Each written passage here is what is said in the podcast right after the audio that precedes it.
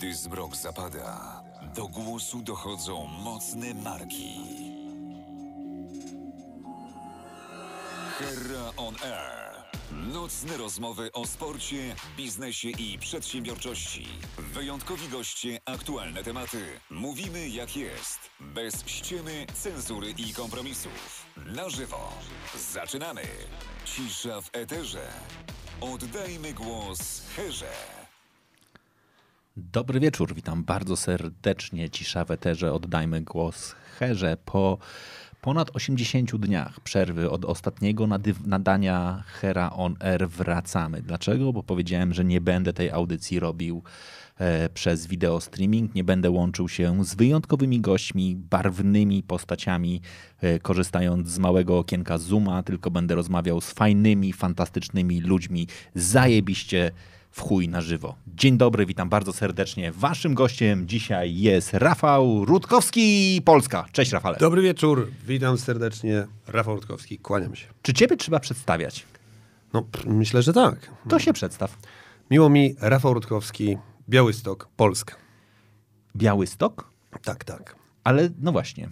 Zawsze, za, zawsze, zawsze jak mnie pytają skąd jestem, to mówię, że z Białego Stoku, mimo że mieszkam w Warszawie już dłużej, więcej czasu niż, niż mieszkałem w Białymstoku, bo wyjechałem na studia, ale jakoś tak czuję się, czuję się stamtąd. Nie wiem, czy przez taką no, lokalny patriotyzm, czy po prostu e, jak Podlasie, możesz wyjechać z Podlasia, ale no z ciebie nigdy.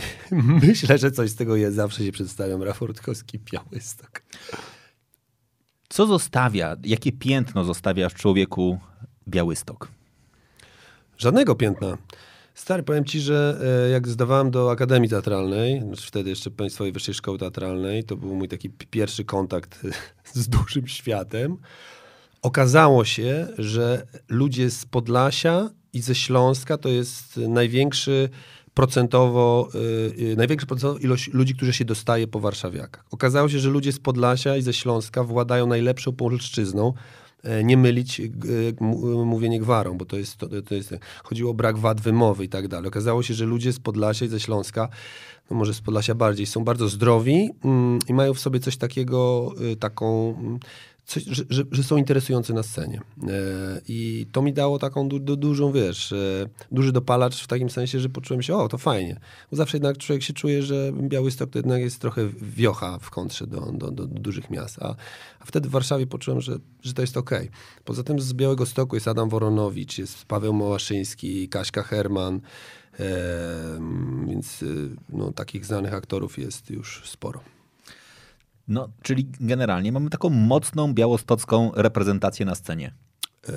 Ab- abs- absolutnie tak. I, i że tak powiem, tego tałatajstwa z Białego Stoku nadciąga, nadciąga coraz więcej. Teraz jest dwupasmówka. Pasmówka, że powiedzieć. Człowieku, to powiem ci, że teraz wiesz, można, można jechać do Warszawy na kawę i wrócić z powrotem, co kiedyś było niemożliwe, więc w ogóle absolutnie e, spodziewajcie się warszawiacy jeszcze większego najazdu słoików z Podlasia. No i to jest pewnie dobry moment na to, żebyśmy zrobili tutaj krótki, taki mały przecinek do tego, żeby wyjaśnić reguły rządzące tym programem.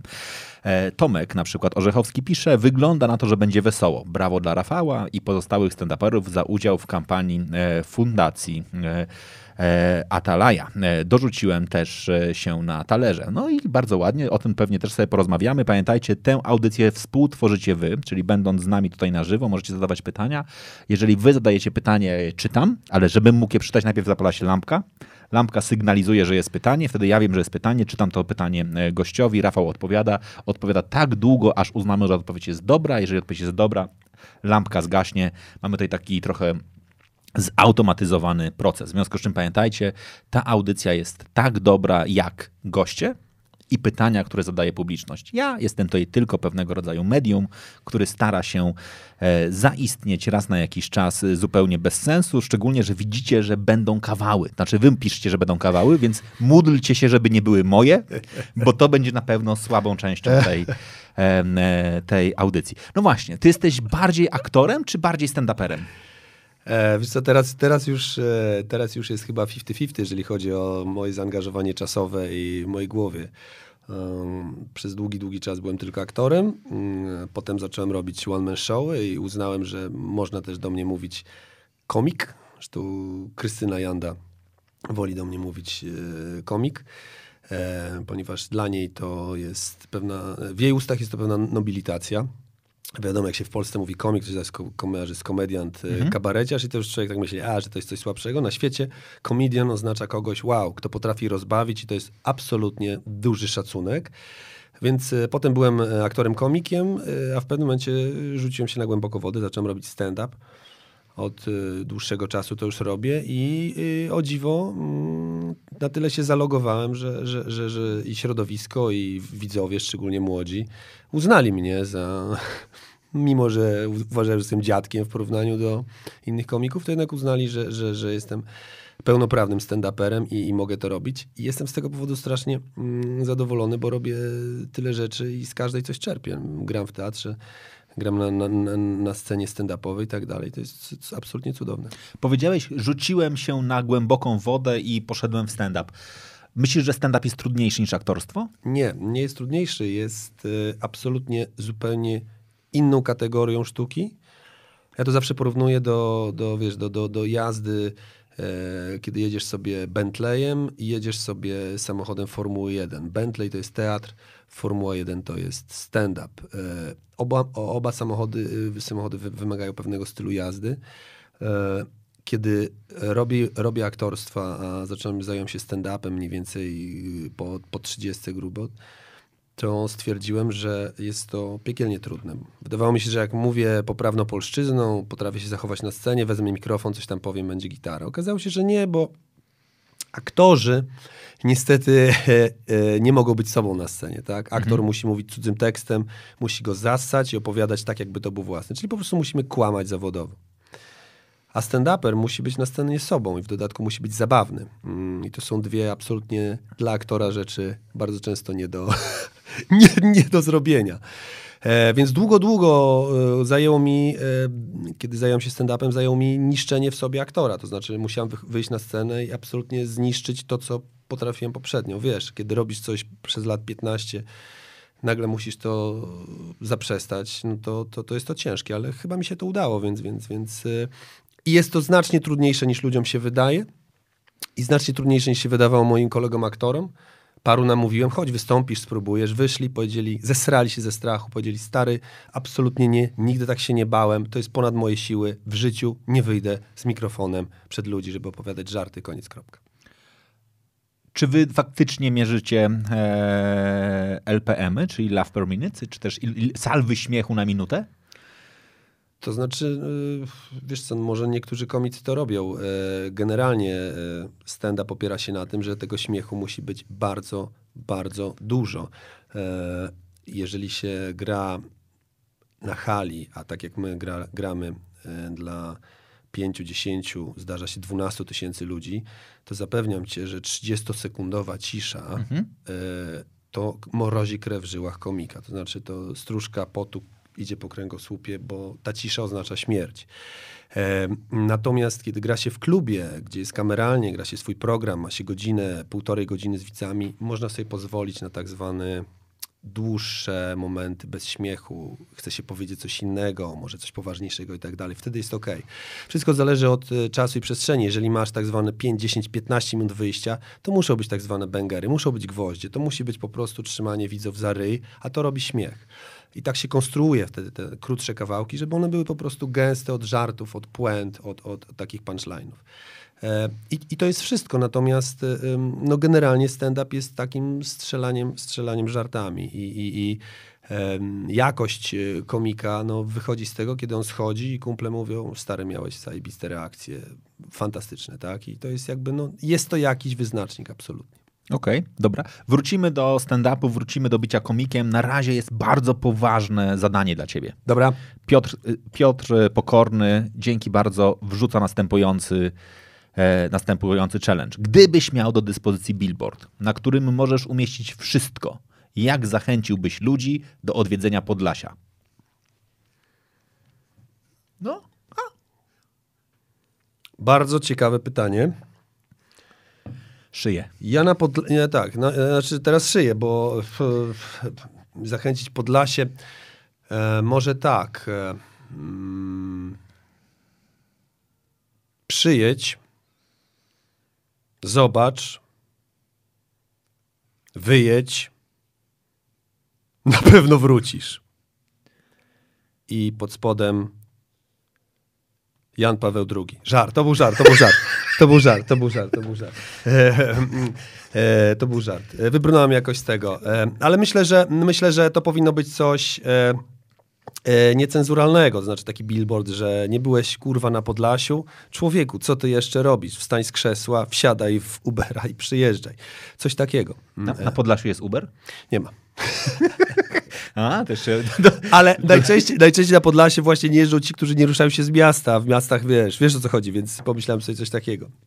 E, mm, e, a poza tym e, może coś, e, jeżeli nie chcesz dostać raka płuc, przyjdź na Podlasie, najczystsze powietrze we wschodniej Europie. Albo jeżeli widziałeś kleszcza, to takich jeszcze nie widziałeś. Przyjedź na Podlasie, największe kleszcze w Europie. Jeżeli chcesz spotkać kleszcza wielkości żubra, przyjedź na Podlasie. Dokładnie. No dobra, wróćmy do twoich e, w takim razie e, żartów ze sceny stand-upowej. Ty sam piszesz swoje programy? Tak, teraz tak. Pierwszy program, który napisałem, e, jak mówię, jako aktor nie ufałem sobie, więc poprosiłem, żeby mi go napisał kolega. On mi napisał i to nie było do końca to, bo to nie był mój beat, mój timing, to nie był mój oddech, to nie były moje myśli, ale jako aktor jakoś sobie dałem radę. Potem już zacząłem sam pisać i, i, i robię to do dzisiaj. Jest to piekielnie trudne. E, Ale nabrałem wprawy i, i to robię. Nie, nie jest tak, że siedzę z białą kartką i piszę cały żart i potem się go uczę na pamięć. To są raczej jakieś szkice, puenty i tak dalej. Potem to sobie gdzieś tam mówię na głos, a potem próbuję, robię testy, open mic'i. Wiesz, wychodzi się zupełnie, jak ktoś mówi na golasa, czyli bez, bez, bez, po raz pierwszy mówi się jakiś żart i mówi się go widzą i się słucha, czy, czy, czy weszło, czy raczej był bombing i wtedy się mówi dziękuję, idę się uczyć dalej. Ty, ale no właśnie, to jest, to jest pytanie, czy, ty, czy faktycznie jakby te, testujesz sobie żarty na publiczności, czy nie wiem, dzwonisz do lotka, mówisz, ty lotek, kufa, mam, mam, mam mówię ci, zajebisty dowcip, opowiem ci go. I wtedy tak milczy, nie, nie jest zajebisty. Jak jesteśmy razem w trasach i tak dalej, to absolutnie gadamy między sobą. Mam coś takiego, posłuchaj, mówię, mówię, mówię, on mówi, o spoko, ale na przykład tu brakuje tego i tego. I to jest, y, w ogóle to jest super sprawa, że, że między komikami, przynajmniej z tymi, z którymi ja się zadaję, jest jakaś taka fajna y, sytuacja, nie, nie zazdrości, nie myślenia, o kurwa, super żart wziął czy coś, tylko jest to takie bardzo bawi komików jeszcze, mam nadzieję, e, w Polsce e, to tworzenie, śmiech i tak dalej, więc możemy sobie takie rzeczy mówić. Mm, Czasami wymyślam sobie żart, e, mówię go w domu, dzieciakom, żonie, no i potem jak najszybciej wychodzę gdzieś. Jak mówisz dzieciakom swoje żarty? No przecież ty czekaj. E, Moja córka ma 19, A, okej. syn ma 15. Oni zjedli zęby na moich programach, więc absolutnie jest, e, wiesz, jest, jest, jest luz. E, Więc opowiadam im i oni mówią, o, to tata spoko albo słabe. Mm, e, Więc, więc oni są bardzo fajnymi widzami, bo wiesz, oni mnie na tyle znają, że już lipy nie, nie przepuszczą. E, No i potem wychodzę i mówię raz, drugi, trzeci. Jeżeli, jeżeli jest jakiś potencjał w żarcie, no to się go dalej szlifuje, a jak nie, to się go wyrzuca. Da się zrobić stand-up bez przekleństw? Da się. Oczywiście, że tak. I on wchodzi? Tak, wchodzi, tylko mm, y, przekleństwo jest bardzo istotnym elementem stand-upu, bo ono mm, y, jakby w Polsce przynajmniej uwiarygadnia to, że to rzeczywiście mówimy jakby językiem potocznym. Tak? Język potoczny w Polsce jest jakby jednoznaczny z tym, że się przeklina. E, mówienie językiem, wiesz, literackim na scenie takim, tego powoduje, że, że, że ludzie że trochę nie wierzą. I co, co, coś w tym jest rzeczywiście. Poza tym, wiesz, dobra, soczysta kurwa czy chuj na końcu bardzo często po prostu do, dodaje puenty, wiesz. E, jak opowiadasz żart i mówisz, i wtedy on do mnie mówi, niech pan spieprza, no to rozumiesz, nie z tego. Jak opowiadasz, że on do mnie mówi spierdalaj, prawda, to masz jakby od razu jest ta emocja. Znaczy przekleństwa niosą ze sobą emocje. Są to łatwe emocje, natomiast y, y, się ich używa. Natomiast da się zrobić stand-up bez przekleństw, absolutnie, tylko jest to trudniejsze.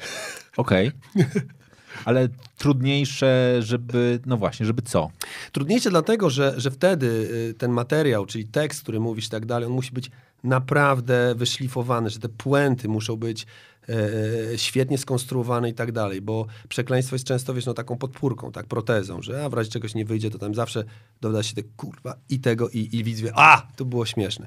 E, więc da się i komicy tego próbują, ja e, próbują, ja nie, nie jakby, sam miałem, miałem e, kiedyś nawet ambicje stworzyć, stworzenie całego programu bez, bez przekleństw, ale mi się to oczywiście nie udało, bo ja na życie przeklinam, po prostu. E, e, więc, więc trochę nie byłbym sobą, gdybym, gdybym e, mówił stand-up bez przekleństw, ale Zauważam, że u komików jest tego coraz mniej i, i, jakby te teksty z roku na rok, z miesiąca na miesiąc idą do góry, bo konkurencja jest nieprawdopodobna. Okej, okay, no dobra. A czy da się poprowadzić e, dobry stand-up bez wykorzystania energii publiczności? Znaczy bez jakby, wiesz, znalezienia ofiary, po której zawsze pojedziesz, albo kogoś, kto ci, wiesz, tam odbije i tak dalej? Absolutnie tak. Tak, tak. Wiesz, to, to, to co, co, co, co ludzi kręci, to oni oglądają te, te, te kawałki, programy stand-upowe, gdzie rzeczywiście znajdzie się jakaś ofiara, albo że gdzie komik tam sobie roastuje kogoś i tak dalej. Natomiast większość teraz stand-upów, które są, to komicy już starają się mówić całe programy od początku do końca bez e, wchodzenia w interakcję. Znaczy, polska widownia jest przyzwyczajona, że jak się robi coś w klubie, to fajnie jest zagadać z nimi, żeby oni czuli, że o, jesteś specjalnie dla nas, tak? Natomiast y, jak się y, już taki pro program skonstruuje i tak dalej, to y, wielu komików już jak, jak, jakby coraz rzadziej wchodzi w te interakcje i tak dalej, tylko wchodzi cześć, siema i mówią już od początku do końca swój program, traktując go jako pewną zamkniętą całość, tak jak płyta, long play, tak, albo spektakl teatralny. Więc, więc interakcja z widownią jest fajna, to się często dzieje w klubach, to ćwiczy mięsień stand-upowy, uczy refleksu, takiego właśnie obycia z widzami, natomiast nie jest konieczne, żeby, wie, żeby był fajny wieczór stand-upowy, nie jest konieczne. Ale piszesz sobie takie momenty pod tytułem, że nie wiem, masz y, cztery riposty przygotowane w zależności od reakcji publiczności, które nie zawsze wiesz, że użyjesz, ale jeżeli wejdzie ktoś, nie wiem, jeżeli w ostatnim rzędzie będzie pijany, który ci będzie przeszkadzał, to wiesz, że zrobisz to, a jeżeli w pierwszym będzie w, w śmiesznym sweterku, to zrobisz to. E, są, są dwa, dwa rodzaje interakcji. Jeżeli ma się żart, e, który opiera się na gadce z widzem, na, na, na, jego odpowiedzi i tak dalej, to absolutnie komik ma przygotowane kilka wersji. A potem w trakcie testowania to, to, to, to uczy się, bo, bo, tych odpowiedzi jest coraz więcej. Ale oczywiście e, pijana widownia, która lubi coś tam e, wrzucić i tak dalej, no to wtedy tylko i wyłącznie doświadczenie, tak? To znaczy, no, uczysz się, jak tych ludzi ogarniać. E, mi się zdarzało wielokrotnie od prostych zaczepek po, po teksty. Mówi, słuchaj stary, kurwa, jak nie wyjdziesz, to ja nie będę grał, bo tu ludzie zapłacili za bilety. E, były takie, takie sytuacje, tak? No bo już e, są kluby, gdzie na przykład nie ma ochroniarza i trzeba sobie samemu radzić z takimi ludźmi, a wiesz, no pijany gość na widowni, to jemu jest naprawdę wszystko jedno. On, nie ogarnia, co się dzieje, tak? Czuje, że ktoś gada, to on gada, więc, więc bywa też tak, że po prostu to już nie ma siły na żarty, tylko trzeba po prostu jasno i wprost powiedzieć e, stary wypad z baru albo, albo coś. Mm, ale raczej, raczej, raczej jest przyjemnie. E, grasz na firmówkach? Tak. Lubisz? Mm, kiedyś bardzo nie lubiłem, ale będąc E, członkiem e, teatru montownia ofowego. Musiałem to robić, żeby po prostu zarobić na życie. I tam się nauczyłem traktować to jako pewien rodzaj zupełnie innych zawodów, tak? Że, że, że jest to trochę, trochę jak no trochę jak reklama, bo też robiłem reklamę w telewizji, tak? Czyli to jest robota na zamówienie, przychodzę, robię swoje, spadam. Nie, nie bardzo mnie wtedy jakby interesuje. Hmm, Yy, znaczy inaczej, jeżeli ludziom się to nie podoba albo nie słuchają, bo akurat coś jedzą i tak dalej, wiem, że to jest jakby nie jest moją winą, że ja coś źle robię, tylko po prostu jest taka sytuacja, więc też nauczyłem się zupełnie oddzielać e, tego. No, a poza tym firmówki są no, dochodową e, sytuacją, a, a wiadomo, że E, pieniądze szczęście nie dają, ale dają wiele innych korzyści. Są komicy, którzy firmówek z zasady nie robią, bo po prostu nie chcą, nie lubią i tak dalej. Ja to też absolutnie szanuję. Okay. ale no i jest ta różnica. Znaczy, jak ludzie kupują jednakże twój spektakl biletowany, no to są ci, którzy jakby świadomie przychodzą, tak? Tak. E, jak grasz na firmówce, no to znaczy, że ktoś podjął tę decyzję, że ty będziesz. Najczęściej duża część albo nie wie w ogóle czego się spodziewać, albo jest trochę zaskoczona, albo tutaj ktoś im powiedział jeszcze mój ulubiony moment, że jest tylko wpisane w agendzie gwiazda wieczoru, tak? Wszyscy myślą, wiesz, będzie taniec na linie, a ty nagle wyskakujesz ty, no. Tak.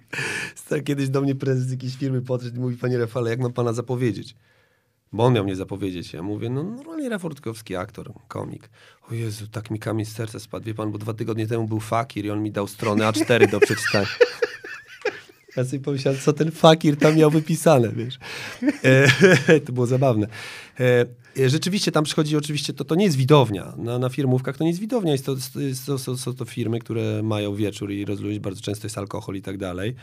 Grałem e, one-man showy, grałem stand-upy, grałem spektakle teatralne i za każdym razem było było różnie. Od cudownej widowni, która wiedziała, czekała na wieczór, po takich, co po prostu gdzieś za, wiesz, y, tych bamarów podgrzewających tak się obracali, co on tam pierdoli, niech da nam zjeść i tak dalej, więc y, absolutnie to. E, Z tym, że ja mam z tym luz, a jeszcze z wiekiem to nabrałem takiego absolutnego luzu na to i I oczywiście no, pewnych rzeczy nie, nie, nie zrobię. To nie jest tak, że, że, że ten. Są oczywiście co do występów firmowych ważne rzeczy też dla mnie, że była garderoba, że, że, że, że raczej fajnie by było, gdyby to nie było w trakcie jedzenia, tak? Bo jeżeli oni mają jeść i tak dalej, to oczywiście cena wtedy jest wyższa, no bo wiadomo, że ja mm, wtedy no, ludzie raczej nie słuchają, tak? I ciężko im się też śmiać, bo Absolutnie ciężko też zazwyczaj proszą o łagodniejszy repertuar, czyli wiesz, no taki stand-up y, klasyczny y, z hardkorowymi przekminami i tak dalej. Bardzo często nie wchodzi w rachubę. Raz mi się zdarzyło, to było cudowne. Miałem występ y, w jakiejś, dla jakiejś firmy, przyjeżdżam wieczorem i słyszę disco polo, krzyki i myślę, będzie rzeźnia, tak? I przychodzi do mnie szef firmy i mówi, panie Rafale, a ja zawsze jestem przygotowany na to, rozumiem, bez przekleństw, bez y, o seksie, rozumiem. I gość do mnie przychodzi, panie Rafale, jest taka sprawa, mówię tak, bo oni tam już są bardzo mocno zaprawieni. Wie pan, żeby ich tak rozruszać. Rozumiem, ma być hardkorowo z przekleństwami. O proszę, dobrze, dziękuję. I, po- I pojechałem wtedy na maksa i rzeczywiście e, złapałem ich za ryję, to znaczy, bo to na początku wyglądało tak, oni po prostu tak tego słuchali, więc, więc jakby to była zupełnie odwrotna sytuacja, co mnie strasznie rozbawiło. E, no ale oczywiście tych anegdot jest, jest, jest mnóstwo, więc e, taka jest specyfika firmówek. Okej. A z- miałeś kiedykolwiek e, zlecenia na zamówienie? Typu, nie wiem, przyszła do ciebie firma farmaceutyczna i powiedziała, panie Rafale, czy mógłby pan napisać taki specjalny, dedykowany program o lekarzach? Tak, tego jest dużo. Wiesz, no, fi- firmy, firmy, były czasy, gdzie firmy lata 90., początek 2000, to wszystko się opierało na kłady, pijemy, hotel i tak dalej. I nagle po latach, no ile można, y, ile można słuchać tych samych coachów i tak dalej, więc szukali jakiejś in, in, innego typu rozrywki. No i kiedy się pojawił stand-up, one-man showy i tak dalej, dostaję zamówienia y, z prośbą o to, czy mogę napisać żart pod kon- konkretną firmę, czy mogę zrobić jakiś sketch o konkretnej firmie i tak dalej. Y, Traktuję to bardzo Bardzo lubię takie zadania, bo, bo są to zadania wymagające zupełnie innej kreatywności. E, Ja się zawsze interesowałem reklamą, marketingiem. e, Wielu komików na zachodzie po zakończonej karierze albo w trakcie przeszło do reklamy, ponieważ ich kreatywne umysły szukające krótkich żartów, historyjek zostały zaprzątnięte do reklamy, Mm, e, więc jest to dosyć pokrewna rzecz i bardzo mnie to kręci. Poza tym jest nieźle płatne, więc, więc, więc jeżeli mam takie zamówienie mogę mu sprostać, to, to, to chętnie się tego e, e, podejmuję. Zaczynam się naprawdę już, że tak powiem, przebierać nóżkami, co to się wydarzy, jeżeli ty po skończonym, e, skończonej kwarantannie wejdziesz na scenę. Jesteś mocno wypuszczony? Y, tak, aczkolwiek powiem ci, że nie, nie marnowałem czasu. Strasznie dużo różnych głupot robiłem. Tak jak rozmawialiśmy na przedanteniu, że, że wszyscy coś tam nagrywali i puszczali. Ja, ja też tego naro- narobiłem mnóstwo z, y, właśnie z lotkiem, e, dzięki czemu powstaje nasze własne show. To, to był wynik tylko i wyłącznie naszych głupot. Nagrałem teatr telewizji na komórki, który dzisiaj wszedł na YouTube'a. E, Absolutnie dziwna rzecz. Godzina 20 tekstu e, nagrywanego na komórki. Paweł Wawrzecki, Hanka Śleszyńska. Nagrywaliśmy to w domach, nie widząc się, słysząc się na, na Whatsappie. W ogóle jakieś prze, prześmieszna rzecz, a absolutnie. E, Więc trochę jakichś rzeczy pisałem. No chciałem ten czas y, spożytkować, kiedy, kiedy, kiedy miałem wolniejsze wieczory, no ale za chwilę wy- wyruszam na scenę i, i, i dalej e, będę z tego powodu chyba się cieszył. Okej. Kiedy wracasz? Na, na, w takim razie w trasę. Pierwszy występ, w ogóle pierwszy występ taki na żywo e, będę miał e, 15 czerwca. Gramy w Teatrze Polonia e, Policję i Noc Zatracenia. E, spektakl Mrożka i Saramonowicza i potem, em, potem mam e, znowu w teatrze gramy, gramy Wąsy i jeszcze w czerwcu mam chyba dwa wyjazdy, wyjazdy stand-upowe. Gram chyba pięć spektakli i ze trzy, trzy wyjazdy stand-upowe pod koniec czerwca, także... A spadło mi jakieś 60 czy 70 występów od, od marca, więc trochę tego było. Ale Ile, ile w, jakby w takim szczycie sezonu grałeś? No, Kiedyś? tyle, ile miesiąc ma dni. Czyli 30 dni. 30 dni, a zdarzało mi się też grać dwa razy dziennie, więc, więc, więc by, bywały czas. Mój rekord to są cztery przedstawienia w ciągu dnia. Ja to gdzieś kiedyś zapiszę, bo nie wiem, nie wiem jak to przeżyłem absolutnie. Zagrałem cztery przedstawienia, z czego jedno trwało trzy godziny. Ja tam grałem główną rolę i to zagrałem dwa razy. Jedną premierę tego dnia zagrałem i jeszcze, no, ja kiedy jechałem taksów, z taksówkarzem, z- zmywając ma- make-up po przedostatnim na ostatni, taksówkarz że panie, niech pan zwolni, pan zawału dostanie. Mówię, proszę pana, jak ja miał dostać zawału, to ja już bym dawno nie żył, więc... Ale nawet taksówkarz zobaczył, że, że, że, że jestem, jestem na granicy. Ale ty, tyle grałem i powiem ci, że mm, ja to lubię po prostu. No dobra. I jak w takiej sytuacji pojawia się sytuacja, w której, nie wiem, w połowie marca dowiadujesz się, dobra, nie będziesz grał. Będziesz na początku miał dwa tygodnie przerwy, później się okazało, że trzy miesiące. I jak się odnalazłeś? y, dwa dni szoku. Takiego szoku, wiesz, że, że, że, że, że, jakby cię z gorącej wody wrzucili nagle do zimnej, bo masz takie, bo to wyhamowanie było maksymalnie ostre. Patrzysz w kalendarz i te znikające rzeczy absolutnie. E, jeżeli jesteś w finansowej sytuacji takiej, że tam to ci mówiło, że do, do, do, dodatkowo jeszcze dochodzi panika, e, e, co ja zrobię. Ja na szczęście nie byłem w takiej sytuacji, więc to mnie ominęło. A potem nagle oswojenie się, jak to robić. Wiesz, jest godzina 19, 19.30, kiedy wychodzę na scenę. Ja wieczorem siedzę i czuję, że mam przyspieszone tętno. Po prostu biologia mi nakazuje, teraz jest szczyt, teraz musisz zasuwać. A ja, a ja siedziałem, Netflix, yy, wiesz, i jakby i, i, to. A potem się nagle, potem się nagle przyzwyczaiłem i, i, oczywiście sam fakt, że, że byliśmy sobie razem z, z żoną i z dzieciakami było super. A po jakimś półtorej tygodnia zacząłem mieć mrówki w dupie i już a, coś tu, tamtego, wstawałem wcześniej, a coś, a zadzwoniłem do tego, a słuchaj, a pamiętasz? No i, i, i więc, więc kró, kró, krótko to trwało taka moja laba, bo ja chyba nie, nie lubię tak po prostu siedzieć, wiesz, bezczynnie. Okej. Co jest takim dla ciebie najbardziej pozytywnym odkryciem tych ostatnich dni, czy tam miesięcy? Że co zrobiłeś takiego, z czego naprawdę jesteś dumny, czego twoim zdaniem byś wcześniej nie zrobił? Mm, zacząłem być yy, facetem, który sprzątał dom. Stary, ja w ogóle się tego nie, nie, w ogóle nie podejrzewałem. Zawsze byłem uważany za syfiarza, szczególnie przez moją żonę.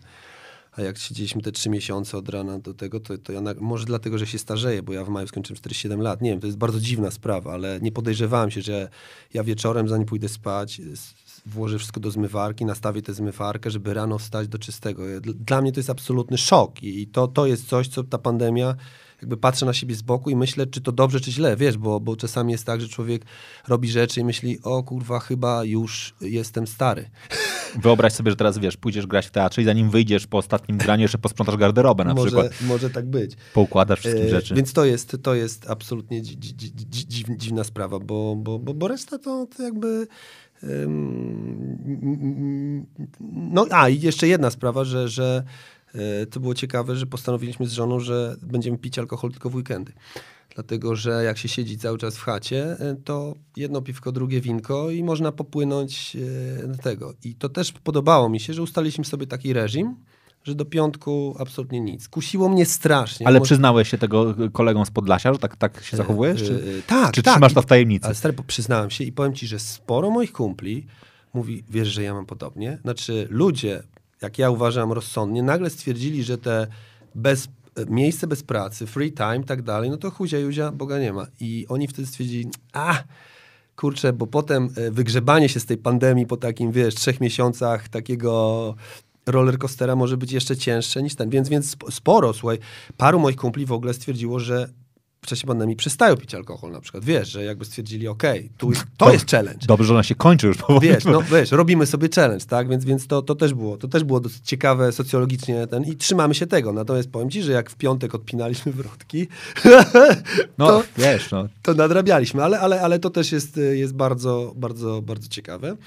e, Dzieci. No i to, że, że wiesz, byliśmy 24 na dobę z moimi dzieciakami, one siedziały, robiły szkołę online i tak dalej i nie pozabijaliśmy się, wszyscy, wszyscy jakoś tam byliśmy tego. Ja byłem takim raczej tatuś kura domowa, budził, przynosił śniadanko, kakałko, wiesz, dzieci miały szkoły. Raz się władowałem w szlafroku na kamerkę. Zrobiłeś to? Na języku polskim chyba, czy czymś. Kurwa, to straszne. Straszne, ale to śmieszne, wiesz. Ale weź się naucz tego, ja, ja, ja, szczególnie na początku miałem taki moment, że dokładnie tu dziecko, tu jeszcze moja żona na jakimś też wideokonferencji, ja wychodzę spod prysznica, oni przy, wiesz, w ogniu kamer trochę się poczułem jak ten, no. W szklanej pułapce tam się tam, wiesz, gdzieś, gdzieś tam pr- pr- przenikałem, no. No tak, no ale to, to, to też było zabawne. Więc y, potem było tak, że wchodziłem na czworaka i kładłem y, synowi kartkę na, na, na, na stole. Co, to też było zabawne. No tak patrzę, co ty robisz. Mm, Ale on też tam robił sobie żarty. Y, Bardzo mnie to fas- fascynowało, jak uczniowie robią pranki nauczycielom, e, którzy no, nie ogarniają jeszcze tech, techniki, Zooma i tak dalej, co oni tam wyprawiali. Ja, ja powiedziałem, Kuba, nic o tym nie wiem, zamykam oczy. Ja też robiłem żarty w szkole, ale oni mieli, mają już inną technikę. Prześmieszne rzeczy robili. Okej. Marta pyta, e, przy jakim zleceniu miałeś największy dylemat, czy się go podjąć? To trochę pewnie nawiązane też do imprez i do takich różnych e, No, rzeczy. by, by- były czasy, że absolutnie nie miałem pieniędzy e, i były czasy, że, że, że, że impreza, że, że, że e, parę złotych zarobionych na firmówce na przykład powodowały, że, że, że oddawałem jakieś długi, tak, albo, albo ten. I pamiętam, że kiedyś miałem imprezę, imprezę w Łodzi, gdzie są sklepy, sklepy Rossmana, Mhm. i zaproponowano mi, że stanę między półkami i będę mówił e, e, e, stand-up. I ja pamiętam, że tak e, mówię, ale jak to? Czy tam będzie- tak będzie, będzie scena, będzie, ja mówię, czy na pewno będzie jakieś takie miejsce? Tak, tak, ale czułem, że tak nie będzie, więc jedna moja połowa mówiła, stary, uciekaj, zostaw, a druga połowa mówiła, stary, te pieniądze są ci tak potrzebne, że w ogóle ten. Pojechałem tam i to była największa rzeźnia, jakakolwiek była, bo ja rzeczywiście stałem na takiej małej scence z mikrofonem między półkami, a tam po prostu chodzili ludzie i brali mm, jakieś pasty do zębów i tak dalej, tak nagle się obracali, what the fuck, a ja coś przez mikrofon y, nawijałem. E, nie pamiętam e, ile to trwało, nie pamiętam co, jak wyszedłem stamtąd, to pierwsze to, to chciałem się rzucić z mostu, potem pomyślałem sobie może pod tramwaj, a potem stwierdziłem, człowieku, zapomnij, zapomnij, tego nie było w ogóle, Wy, wypal to, wypal to, to, e, e, to dłutem, więc e, absolutnie, jeżeli ktoś ktoś mi mówi, że tam artyści robią jakieś rzeczy dla pieniędzy, jakby ja znam y, 76 stron tego medalu i wiem, że ka- każda sytuacja ma, ma różne wydźwięki i tak dalej. A pa- paru zleceń po prostu nie wziąłem też z, z takich po- powodów, że, że, że mm, albo były nie do wykonania, albo już po latach no, mogłem sobie na to pozwolić, po prostu powiedziałem nie, nie, nie dziękuję, albo, albo, albo było za mało kasy. No. To, wiesz, no, to się czasem zdarza. E, Tomasz Jachimek e, pisze, że oglądam sobie z przyjemnością. Pozdrowienia dla obu panów i pani realizatorki. Asia, pozdrowienia od Tomka. Pozdrawiamy Tomka. E, o, Krzysztof pisze, że pani Jachimek na widowni, Lotek wspomniany. Gdzie jest Paczesz? Ja się pytam. No właśnie, gdzie jest Paczesz? Patrzeć, Rafał jest e, teraz w Łodzi, dogląda swojej restauracji komediowa, no, która ma, przechodzi przez cięższy okres, ale mam nadzieję, że on z tego wyjdzie, e, bo, e, bo wkłada w to całą swoją pasję, energię i bardzo, bardzo to lubi. I, myślę, że to jest e, ciekawa rzecz. Mm, Zastanawiałem się, jak, jak, ile będzie miał siły na to, że jeszcze robiąc tyle rzeczy od podstaw z, z, zrobił knajpę. Byłem na otwarciu, fantastyczne miejsce. Dał radę, super. Okej. Ty powiedziałeś o tym, że wracasz niedługo z, na scenę i na, powiedziałeś o teatrze. Myślisz, że widzowie przyjdą do teatrów? Nie sądzę, że tak tłumnie jak przed pandemią. Albowiem przed pandemią był taki moment, że bilety do teatru i na stand-up sprzedawały się tak, że to było, jak, to był jakiś, jakiś, jakiś szał, absolutny szał. Bilety były wyprzedane na miesiące wcześniej. I ta pandemia, po pierwsze, ludzie, się- no, część ludzi się boi, po drugie, e, ludzie mają mniej kasy, bo musieli wydać oszczędności, więc myślę, że nie będzie takiego szturmu. Poza tym no, są obostrzenia, e, po 50% widowni, jakieś odległości. Jak zagram, to ci powiem, jak to, jak to wygląda. Wiem, że kiedy rząd zastanawiał się, jak, jak odblokować to wszystko, to padło hasło od ludzi z ministerstwa, może aktorzy powinni grać w maskach.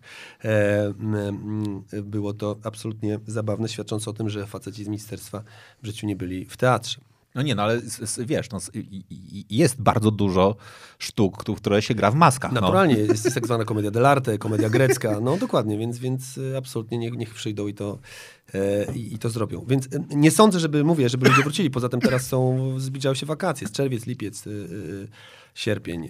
Mam nadzieję, że do, do, do jesieni to, to wystartuje, ale ludzie tęsknią za tym, więc, więc y, pamiętam jak była y, Smoleńsk i, i żałoba posmoleńska. Ta żałoba trwała jedynie dwa tygodnie, a potem ludzie wracali do, do teatru pół roku. no właśnie. No, pół roku. Wtedy wiele teatrów o mało nie, nie, nie zbankrutowało, nie wywróciło się. Myślę, że tamten okres nauczył teatry osz- oszczędności i tak dalej, bo, bo teraz y, mam nadzieję, że, że, że nikomu się krzywda nie stanie, że, że te teatry prywatne, mówię o prywatnych, niedotowanych, które są, że, że one to przetrzymają. Życzę, życzę tego wszystkim, bo to ciężkie jest. No. Ty jesteś w jaki teatr najbardziej zaangażowany? Y, Gram w teatrach Krystyny Jandy, Teatr Polonia i Teatr Och. Gram w Teatrze Warszawy, gram w Teatrze Komedia. Y, I mamy swoją własną trupę, Teatr Montownia, bez jakby budynku, ale jesteśmy grupą od 20 paru lat, więc tak. Okej. Skąd był ten pomysł? No właśnie z tego, że, że, że, że mieliśmy mrówki w dupie i, i po prostu e, w latach 90. Aktor jak kończył szkołę, to miał dwie możliwości. Albo idzie na etat do teatru i trzyma halabardę przez parę lat i terminuje. Albo nie idzie i nie ma z czego, za, za co żyć. Wtedy etat w teatrze był takim jakby, nie było za dużo reklam, seriali i tak dalej, więc teatr był podstawową. A my w czasie, w czasie szkoły teatralnej zrobiliśmy przedstawienie jako studenci, które dosyć odniosło spory sukces. Taki, wiesz, graliśmy już na zawodowych scenach za pieniądze, jeszcze jako studenci. I to był taki ewenement. I stwierdziliśmy, że kontynuujemy to dalej. No i jako grupa y, zgłosiliśmy się do teatru powszechnego, że szukamy stałego miejsca. I to był też ewenement, bo dyrektor teatru zgodził się i dał nam scenę, wiesz, i powiedział, proszę panowie, róbcie co, co, co, co wam się żywnie podoba. Tak to się zaczęło i dzia, działamy w ten sposób do dziś. Ja nigdy nie byłem na etacie, zawsze grałem na komercyjnych y, warunkach. Robiliśmy dobre przedstawienie, graliśmy, robiliśmy słabe, nie graliśmy. Y, Więc y, jakby ja w tak zwanej rzeczywistości, wiesz, kapitalistycznej jako aktor i artysta jestem od, od początku w zasadzie, więc e, e, nie, nie, nie, nie, nigdy nie byłem kimś, kto czeka na telefon i zastanawia się, Boże, kto mi da robotę, bo wtedy to bym zmienił zawód od razu. Okej, no i, pewnie pojawia się pytanie, czy teatr ma szansę się utrzymać bez dotacji? Tak. Świadczy o tym, e, świadczy o tym te, na przykład e, teatr e, Krystyny Jandy. E, Znaczy ludzie twierdzą, że ona do, dostaje dotacje i tak dalej. To nie są dotacje, to są granty. A grant polega na tym, że piszesz, mm, jest konkurs i piszesz na taki konkurs, że mam taki pomysł na spektakl. Albo on się podoba, albo nie. Mm, Teatr potrafi wyżyć. Z tym, że w Polsce jest o tyle trudno, że ceny biletów są tanie. Znaczy, wiadomo, do- na niektóre spektakle kosztuje 100-120 zł. Ale dalej to jest mało. Ale dalej to jest mało. E, Dalej to jest mało, dlatego że, że, że, że, że mm, mm, to są gigantyczne koszty. I tak naprawdę e, e, teatr jest w Polsce, teatr stacjonarny, mówię, że ma się budynek i ten jest bardzo drogim hobby, do którego trzeba mieć mnóstwo zaparcia, pasji i trochę szaleństwa. Teatry takie jeżdżące, czyli organizujesz grupę, produkujesz spektakl i wynajmujesz salę, można na tym zarobić, bo nie masz kosztów związanych z budynkiem. Mówię, mówię, mówię ogólnie, jeżeli masz jakieś hi- hitowe przedstawienie. Natomiast y, posiadanie własnego miejsca i tak dalej jest to naprawdę... Ja szanuję wszystkich. Jako Teatr Montownia mieliśmy przez dwa lata własny budynek. Y, Teatr Imka teraz, y, znaczy już nie teraz, ale Ka- Tomka Karolaka został zbudowany, znaczy powstał na, na, na, na naszym e, centrum montownia. Mieliśmy to dwa lata i zrezygnowaliśmy z tego, dlatego że ze względu na kasę nie mogliśmy robić teatru, tylko musieliśmy się bawić w komerchę. A jako grupa teatralna nie chcieliśmy tego robić jak komercyjnie, więc stwierdziliśmy albo zginiemy jako artyści, albo jako biznesmeni. Zginęliśmy jako biznesmeni, ale zostaliśmy dalej artystami. I to uważam była bardzo istotna decyzja. Także teatr, tak to wygląda. Okej. Jak ty trafiłeś w ogóle do szkoły teatralnej? Yy, chodziłem na kółko teatralne w Białymstoku, poznałem dziewczynę w liceum, podobała mi się, ona chodziła na kółko, stwierdziłem, żeby być... bliżej- Czekaj, czekaj, czekaj, czekaj, czekaj, ale to jest ważny, jednakże ważny wątek. Chciałeś być bardziej aktorem, czy chciałeś być bliżej tej dziewczyny? Na początku chciałem być bliżej dziewczyny. Okej. Nie wiem, czy wszyscy o tym wiedzą, ale pamiętajmy, że seks jest największym e, motywatorem do działań i wszystko, co się na świecie dzieje, kręci się wokół tego. Mm, Naprawdę? No, zagrałem kilka przedstawień na ten temat, przeczytałem parę książek. Absolutnie tak. Więc tutaj chodziło e, o, dokładnie, seks. O, o seks, żeby być bliżej niej. Nie, jeszcze wtedy nie uprawialiśmy seksu, ale, ale, ale po prostu chciałem ją, ją bardziej... Kiedy trafiłem do tego kółka, mm, no to coś tam- Uprawialiśmy seks w tym kółku. nie, w kółku akurat nie, bo tam nie, nie, nie było warunków. Natomiast y, trochę się w to zacząłem a- angażować, spodobało mi się. Natomiast ja bardziej byłem taki właśnie komik niż aktor, wiesz. Coś się powygłupiać z tego, natomiast wcielać jakieś role, przeżywać, no, to nie dla mnie. A jak skończyły, zbliżam się do matury, stwierdziłem, spróbuję, tak? Było to dla mnie szaleństwo, bo u mnie w rodzinie nie ma nikogo mm, o zacięciu artystycznym. Mój stary jest inżynierem, e, e, e, e, e, w, jego siostra jest, e, medy, jest medycyna, inżynierowie, medycyna, raczej politechnika, takie klimaty, nie ma artystów. Mm, Więc y, pojechałem do tej Warszawy na egzaminy, tak, a może się uda, ale nie traktowałem tego poważnie. Jednocześnie zdawałem E, stwierdziłem, że, że jak się nie uda w Warszawie, to jeszcze zdążę na jakieś, załapać się może na prawo do Białego Stoku czy, czy coś. I o dziwo poszło mi tak dobrze, że e, przeszedłem wszystkie etapy, ale znalazłem się pod kreską. Zabrakło mi tam dwóch punktów, żeby się dostać, tak? Czyli egzaminy zdałem, ale z powodu tego. Napisałem odwołanie i powiedziano mi, dobrze, proszę pana, no to, to, to będziemy we wrześniu rozpatrywać może. I bałem się, że pójdę w Kamasze, bo to były jeszcze te czasy, się szło do woja. Niestety już e, egzaminów na prawo nie było, więc na szybko zdałem na pedagogikę kulturalno-oświatową, czyli tam zdawały najbrzydsze dziewczyny na świecie, które już ni- nic nie mogły w życiu robić, oraz chłopaki z areklubu białostockiego, żeby mieć czas na studia, bo tam na pierwszym roku zajęcia miałem 6 godzin tygodniowo, tam się nic nie działo. Po tej pedagogice kulturalno-światowej mogłem być takim gościem od świetlicy, co to mówi, dzieci, teraz z kasztanków zrobimy słonia! Wow! Więc to jest jakby coś takiego. No, byłbyś tym dobry, bo nie, nie żebym, wiesz... Ja bym był w tym zajebisty, Zajebisty, ale ja pamiętam egza egzaminy na Ja te... widzę tego słonia z kasztan- z kasztanków. Egzaminy na te studia były fantastyczne, bo ja oczywiście poszedłem tam na pałę i była rozmowa przedwstępna, e, gdzie chciał sprawdzić. Ja dzień wcześniej nie wiedziałem, co robić. Wpadł mi w ręce album e, Beksińskiego. E, Facet mnie pyta o, jak, o Mickiewicza czy coś, a ja zacząłem, miałem talent jednak krasomówczy i z tego Mickiewicza szybko przeszedłem do Beksińskiego, opowiadając o jego obrazach i tego. On powiedział, brawo, proszę pana. A potem się okazało, że jest dodatkowy nabór do, y, y, na Akademię Teatralną, Wydział Lalkarski w Białymstoku. Stwierdziłem, okej, chyba lepszy Wydział Lalkarski niż ta pedagogikę. Zawsze przez rok będę miał kontakt z sceną. I dostałem się na te lalki, mm, chociaż mi powiedzieli, stary, z twoim wzrostem 191, parawan ma metr 70, będziesz miał co najmniej wrzody e, albo kolana zjechane, także ty się zastanów. Co najmniej zostaniesz alkoholikiem, więc, więc e, ale stwierdziłem, dobra. I kiedy w dniu, kiedy dostałem się na lalki, przyszło zawiadomienie, że dostaje się do Warszawy, więc, więc e, e, jeszcze przez chwilę na tej pedagogice sprawdzali obecność, bo bałem się, że jak mnie wyrzucą z Warszawy, to żebym miał gdzie spaść. Mm, e, No i tak, i tak to. Mm, e, I dostałem się i, i wtedy w szkole stwierdziłem, kurczę, że to jest, ja nie wiem, czy dobrze, dobrze zdałem, że jest to tak e, trudne i absolutnie nie tak sobie wyobrażałem aktorstwo. Wiesz, ja patrzyłem na Harrisona Forda, który był moim idolem, Gwiezdne Wojny, e, Indiana Jones, myślę, będę jak on, a tutaj wchodzę, muszę płakać, y, mówić jakiejś obcej dziewczynie, że cię kocham, udawać orła, jakie, jakieś zwierzę, wić się po podłodze. Chryste panie, cały dzień w dresach, jak w wojsku. Byłem tak zmęczony, że spałem na korytarzu. Myślałem sobie, nie, nie. Minął pierwszy semestr, opiekunka roku mówi, Rutkowski, ty się zastanów. Jest wiele zawodów na A, wiesz. Jak ci nie pójdzie w zawodzie, stosowany aktor to coś najgorszego. Więc sugerowała mi, że jestem na wyjebce. Więc byłem masakrycznie ze- ze- zestresowany. Ale to działa na ciebie motywująco, jak ktoś ci mówi, stary, zastanów się nad tym, czy i mówisz, ja ci udowodnię, czy myślisz sobie, kurwa, no, no może, mo- może jednak te lalki w Białymstoku. Nie, nie, no. nie, to absolutnie zadziałało motywująco, gdyby, gdyby... Jest też to fajny system, wiesz, bo, bo, bo w ogóle aktorstwo jest za, zawodem okrutnym i to nie, tu, tu nie ma z- zmiłu. Jest niesprawiedliwym i okrutnym zawodem, w związku z tym lepiej, jak się oswoisz z tym od początku, albo przyjmujesz challenge i idziesz w to, a jak jesteś mięczakiem, to wypadaj z baru. Wiele osób, które wyrzucono ze szkoły, zrobiono im najlepszą rzecz, jaką, jaką się przydarzyła, tak? No więc to zadziałało motywująco i potem już, już szło mi bar, bar, bardzo dobrze. E, E, I, I kiedy wszedłem w to, w to aktorstwo, podobało mi się, ale szybko zrozumiałem, że nie zagram wszystkiego w życiu, wiesz, że no nie mam e, twarzy, e, nie mam twarzy Michała Żebrowskiego, więc e, nie zagram e, Amanta. E, raz poszedłem na casting, e, bo takie fajne, ładne zdjęcie mi kolega po studiach zrobił, rzeczywiście wyglądałem na Amanta i pamiętam, że to był chyba casting do e, Plebania, był taki serial jakiś, poszedłem na casting na jakiegoś tam absztyfikanta. Ja wszedłem na casting, goś zobaczył i widzę, o kurwa, i się załamał.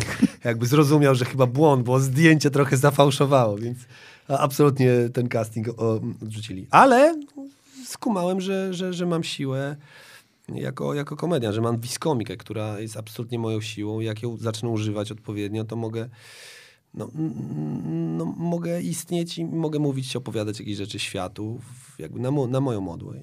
Tak to. Co byś chciał zagrać, czego jeszcze nie zagrałeś? To znaczy, powiem tak, e, w, w teatrze mogę zagrać wszystko, dlatego że e, my, my, my sobie tworzymy e, sami rzecz. Tak? Ostatnio graliśmy, zrobiliśmy dzieła wszystkie Szekspira w nieco skróconej wersji. Tam gramy role szekspirowskie, których w życiu nie zagrałbym w teatrze. Oczywiście w pewnym przegięciu, ale jednak zagrałem tam Ryszarda III, zagrałem Zagrałem w Hamlecie, zagrałem Desdemony z Otella, więc to mam spoko. E, W kinie i w telewizji to oczywiście zależy od, od, od reżysera i, i tam y, życzyłbym sobie zagrać, e, mm, ale konkretnej roli nie mam. To znaczy, y, często aktorzy, komicy chcą zagrać coś tragicznego, mordercę albo kogoś. Ja kiedyś zagrałem mordercę w serialu Patryk Wega mnie reżyserował. Córka zobaczyła, jak zabijam człowieka, zaczęła płakać. Miała 4 lata, zobaczyła, jak tatuś zabija człowieka w telewizorze. Wtedy poczułem, że ach, kurwa, jestem dobrym aktorem. Oczywiście połowa aktora, bo druga połowa mówi, o co ci zrobiłem, córeczko. To jest ta schizofrenia aktorska, wiesz, że jedna połowa patrzy zupełnie... E, e, to mi Jan Enger opowiadał, mówi, że to jest okrutny fakt, bo stoisz na pogrzebie bliskiej ci osoby, płaczesz, a aktor, ten skurwysyn z tyłu głowy, koduje to, obserwuje i mówi, zapamiętaj, Zapamiętaj, zapamiętaj te emocje, to będziesz miał w banku. Jest to straszne, ale niestety prawdziwe. Taka jest natura bycia, bycia aktorem. E, Więc e, jakby wiele, wiele klimatów e, zagrałem. Więc nie, jestem, e, nie jestem, e, nie mam jakiejś tam roli do, do zagrania. Aczkolwiek, a, byłem na Jokerze e, w kinie i pomyślałem sobie, to jest e, coś, co zagrać. Znaczy komik, który jest jednocześnie... To jest bardzo fajna rzecz, ale, ale, ale takie klimaty podobne grałem w teatrze. E, natomiast w kinie coś takiego zagrać byłoby fajnie. Wolisz teatr czy wolisz film? Teatr. Dlaczego? Dlatego, że w teatrze, e, w teatrze po pierwsze, e, kiedy gram główną rolę, dwie godziny, to na dwie godziny absolutnie jestem tą postacią. Zapominam o świecie. Nikt mi nie przerywa, nie mówi dubel, stop, samolot, dźwięk, przerywamy i tak dalej. Jestem sobą i nikt mi się nie wpieprza w gary, tak. Ja przechodzę to co jakby i, i zdarzało mi się w teatrze oczywiście to, co, o czym marzą aktorzy, poczuć, że jest się przez moment kimś innym, tak. Że nagle mówię zupełnie in, inaczej niż ja mówię, zachowuję się inaczej, myślę inaczej. To jest super. E, e, w kinie jest o to, o to trudniej, bo, bo, bo, bo mm, jakby e, wiele rzeczy nie zależy od ciebie. A po drugie, ja mam, znaczy kino nie tak bardzo mnie kocha też z tego powodu, że chociażby przez to, jak wyglądam. Ja mam twarz, która jest absolutnie do zadań specjalnych. Ja muszę mieć napisaną rolę, wymyśloną dla mnie rolę. E, Nie mam takiej twarzy, która się jakby, wiesz, jest tak, tak zwana teflonowa, jak to mówię, że, że zagram ten. Więc, więc, e, więc tu jest też kłopot. Ale w Juliuszu, który z, z, zrobiliśmy, Wojtek Mecwalo równą rolę, tam absolutnie zagrałem rolę napisaną dla mnie przez Abelarda Gizę i mhm. Kacprocińskiego. Jestem dumny z tej roli. E, Zresztą grałem tam postać, która się nazywa Rafał. Mm, I, to mi się akurat udało i podobało, więc, więc ale wolę teatr. No dobra, mamy tutaj kilka pytań. Po pierwsze, e, komentarz e, szacun za Rosmana i to pewnie nawiązuje do tego, jaki był najmilej wspominany, e, wspomni, wspominany występ twój. Taki naprawdę coś, co zapamiętujesz, wiesz, jak jest ci źle, to sobie to przypominasz, ty ci od razu się uśmiechasz, no. Wiele było takich występów, zarówno w teatrze, jak i na, na scenie stand-upowej. W teatrze te, te występy polegają, y, w moim wypadku, y, y, wiele spektakli zagrałem i tak dalej, ale e, fajne jest, kiedy tworzy się jakiś projekt, jakiś spektakl, e, ktoś pisze tekst. Jest to absolutnie rzecz nieznana, tak? Prapremiera. E, Jest mnóstwo niepewności, to myśli, jak to pójdzie, jak zareagują. Gramy to, jest absolutna eksplozja, tak? Znaczy wszystko się złożyło, jest standing ovation i czuję, że mm, jak mówię, że nie tylko jako aktor, ale także jako organizator, jako ten, że, że to się wszystko złożyło, widzom to się podoba, to jest piękne. E, Było kilka takich premier, e, absolutnie odjazdowych. Pierwsza premiera e, Zabawy Mrożka w Akademii Teatralnej. Byliśmy na trzecim roku, kiedy przyszli profesorowie, zobaczyli i po prostu kopary im opadły, że, że, że, że dzieciaki, studenci mogą zrobić taką zajebistą rzecz. Pierwsza premiera w teatrze zawodowym, gdzie przyszła cała szkoła, mnóstwo przyjaciół, znajomych. Stanisław Tym napisał specjalnie dla nas jedną aktówkę. Pamiętam na premierze Stasiek z nerwów tak się upił, że przyszedł, siedział w bibliotece, słuchał to na, na interkomie, po czym zszedł do ukłonów i był tak pijany, że jak dawał mi całusa, to te wielkiego usta karpia za- zaślinił mi całą twarz. To było cudowne, spłakany jak bubr. Pamiętam do dziś, cudowna premiera, fantastyczna. E, e, no i, i parę występów stand-upowych, gdzie, gdzie na przykład gra się e, na Tauron Arenie w Krakowie dla 12 tysięcy ludzi. Ja wychodzę, prowadziłem na przykład Bank 2 i mówię dobry wieczór, Kraków, jak to ryknęło, ta fala śmiechu mnie uderzyła. Jest to taki power, bo czujesz, no jest to, jest to takie bardzo behawiorystyczne, ale nagle czujesz, że panujesz nad tą widownią, tak? I, i przykład kiedy grałem na tych y, kilkunastu tysięcznych halach, obejrzałem sobie Bohemian Rhapsody, absolutnie wtedy zrozumiałem Frediego, jak on wychodził w Rio, czy 12 tysięcy, czy 250, no to powiedzmy to już tego, ale kiedy on mówił eo, i te 250, eo, to ja tak zrobiłem kiedyś w hali stulecia, to było to był sz- szaleństwo. To też są takie fajne chwile, gdzie, gdzie no czuję, że to jest to. Mógłbyś żyć bez aktorstwa? Nie. Nie. Znaczy, gdybym nie był aktorem w sensie takim, że nie, nie, nie, nie skończyłbym tej, tej, tej, tej szkoły, e, to prawdopodobnie robiłbym, robiłbym prędzej czy później stand-up, zaangażowałbym się w kabaret, e, byłbym youtuberem, założył jakąś grupę. E, Taki jestem. Znaczy, mnie, mnie to najbardziej kręci, najbardziej się w tym, tym, tym spalam. Wszystko inne, co robię dodatkowo, jakieś pisanie, nie wiem, pro- producenckie rzeczy, to są tylko pochodne. Czyli można powiedzieć, że trochę robiąc całą tą dyskusję krótką, dobrze, że jako młody chłopak lubiłeś seks, bo on cię pchnął do kółka, które sprawiło, że jesteś szczęśliwy w życiu. Tak, do dzisiaj lubię seks i absolutnie e, jest on, e, e, myślę, dla mężczyzny motywatorem do, do, do, do, do, działania i to jest, wielu się do tego nie przyznaje, ale to już jest ich sprawa. E, Jakby jest on takim no, bardzo mocnym nap siłą napędową. Zresztą cała, cała planeta na tym żyje. Wszyscy chcą, wszyscy chcą się rozmnażać i tak dalej. Więc, więc y, zrobiliśmy kiedyś taki spektakl, testosteron. Andrzej Saromonowicz, potem film powstał. Następna prapremiera. Specjalnie dla nas napisał ten tekst. To trzeba mówić światu, bo dla Teatru Montownia. E, Potem w e, filmie zagrali inni ludzie, bo myśmy nie mieli takich sprzedażowych twarzy, ale już jesteśmy pogodzeni z Andrzejem, e, więc spoko. Była między nami siekiera, ale już nie jest. Jest okej. Ja to teraz rozumiem po latach, biznes, ale w tym spektaklu Testosteron jest cała, cały spektakl jest o tym, jakie to jest przekleństwo bycia mężczyzną, to, że testosteron nas nakręca do tego, żeby wyrywać laski, żeby bzykać, czy się chce, czy się nie chce. I to nie chce jest tym, e, tym, e, tym, tym właśnie tą czarną stroną tego, że seks jakby napędza. Także widzisz, teatr, seks to są bardzo pobliskie, pobliskie sprawy, w zasadzie nierozłączne. Dobrze. Co ze stand-upem online? Widziałem kilka takich eventów na fejsie, tam nie ma interakcji. To pewnie trochę nawiązuje do tego, co rozmawialiśmy o interakcji, pisze, pi- pyta Tomek. E, co wy teraz knujecie z lotkiem, w takim razie, trochę nawiązując do tego? Stand-up online, y, y, marzec, kwiecień, maj, zdarza się, zdarzyło się to, ponieważ komicy no, nie chcieli siedzieć bezczynnie. Jest to pewnego rodzaju proteza i forma zastępcza, absolutnie zastępcza. Stand-up nie istnieje bez, bez, bez, bez widowni na żywo. Nie ma czegoś takiego, więc to była forma zastępcza. Ja wziąłem udział w drugim odcinku stand-up online.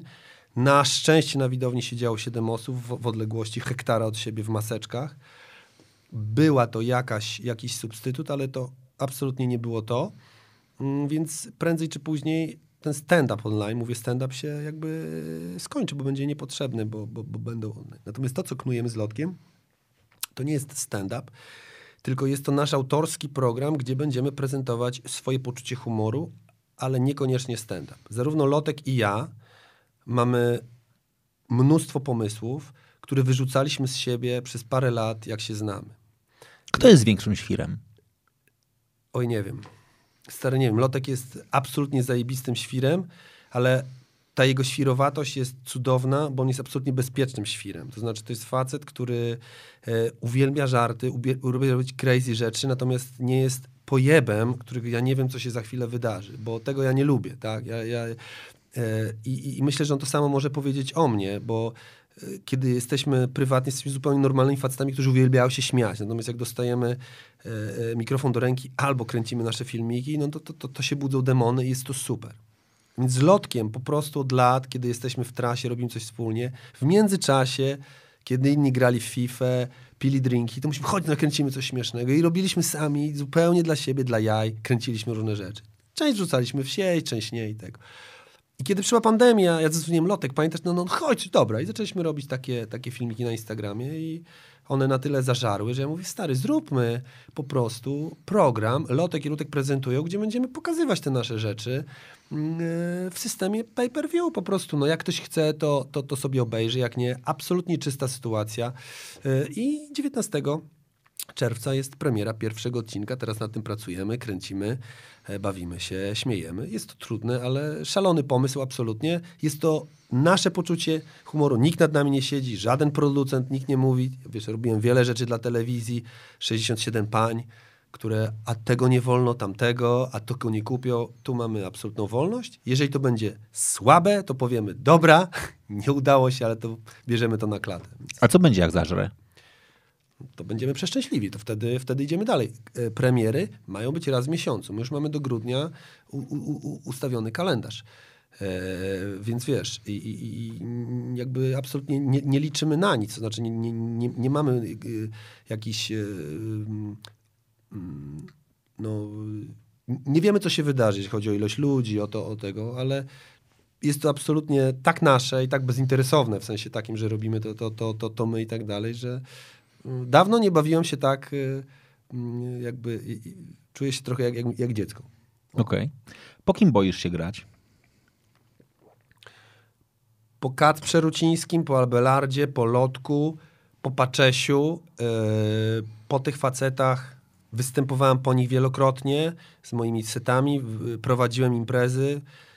Są to no mega, mega zawodowcy i kozacy na scenie. E, mają bardzo zawsze mocne żarty, mocne reakcje, oni to czują, wiedzą.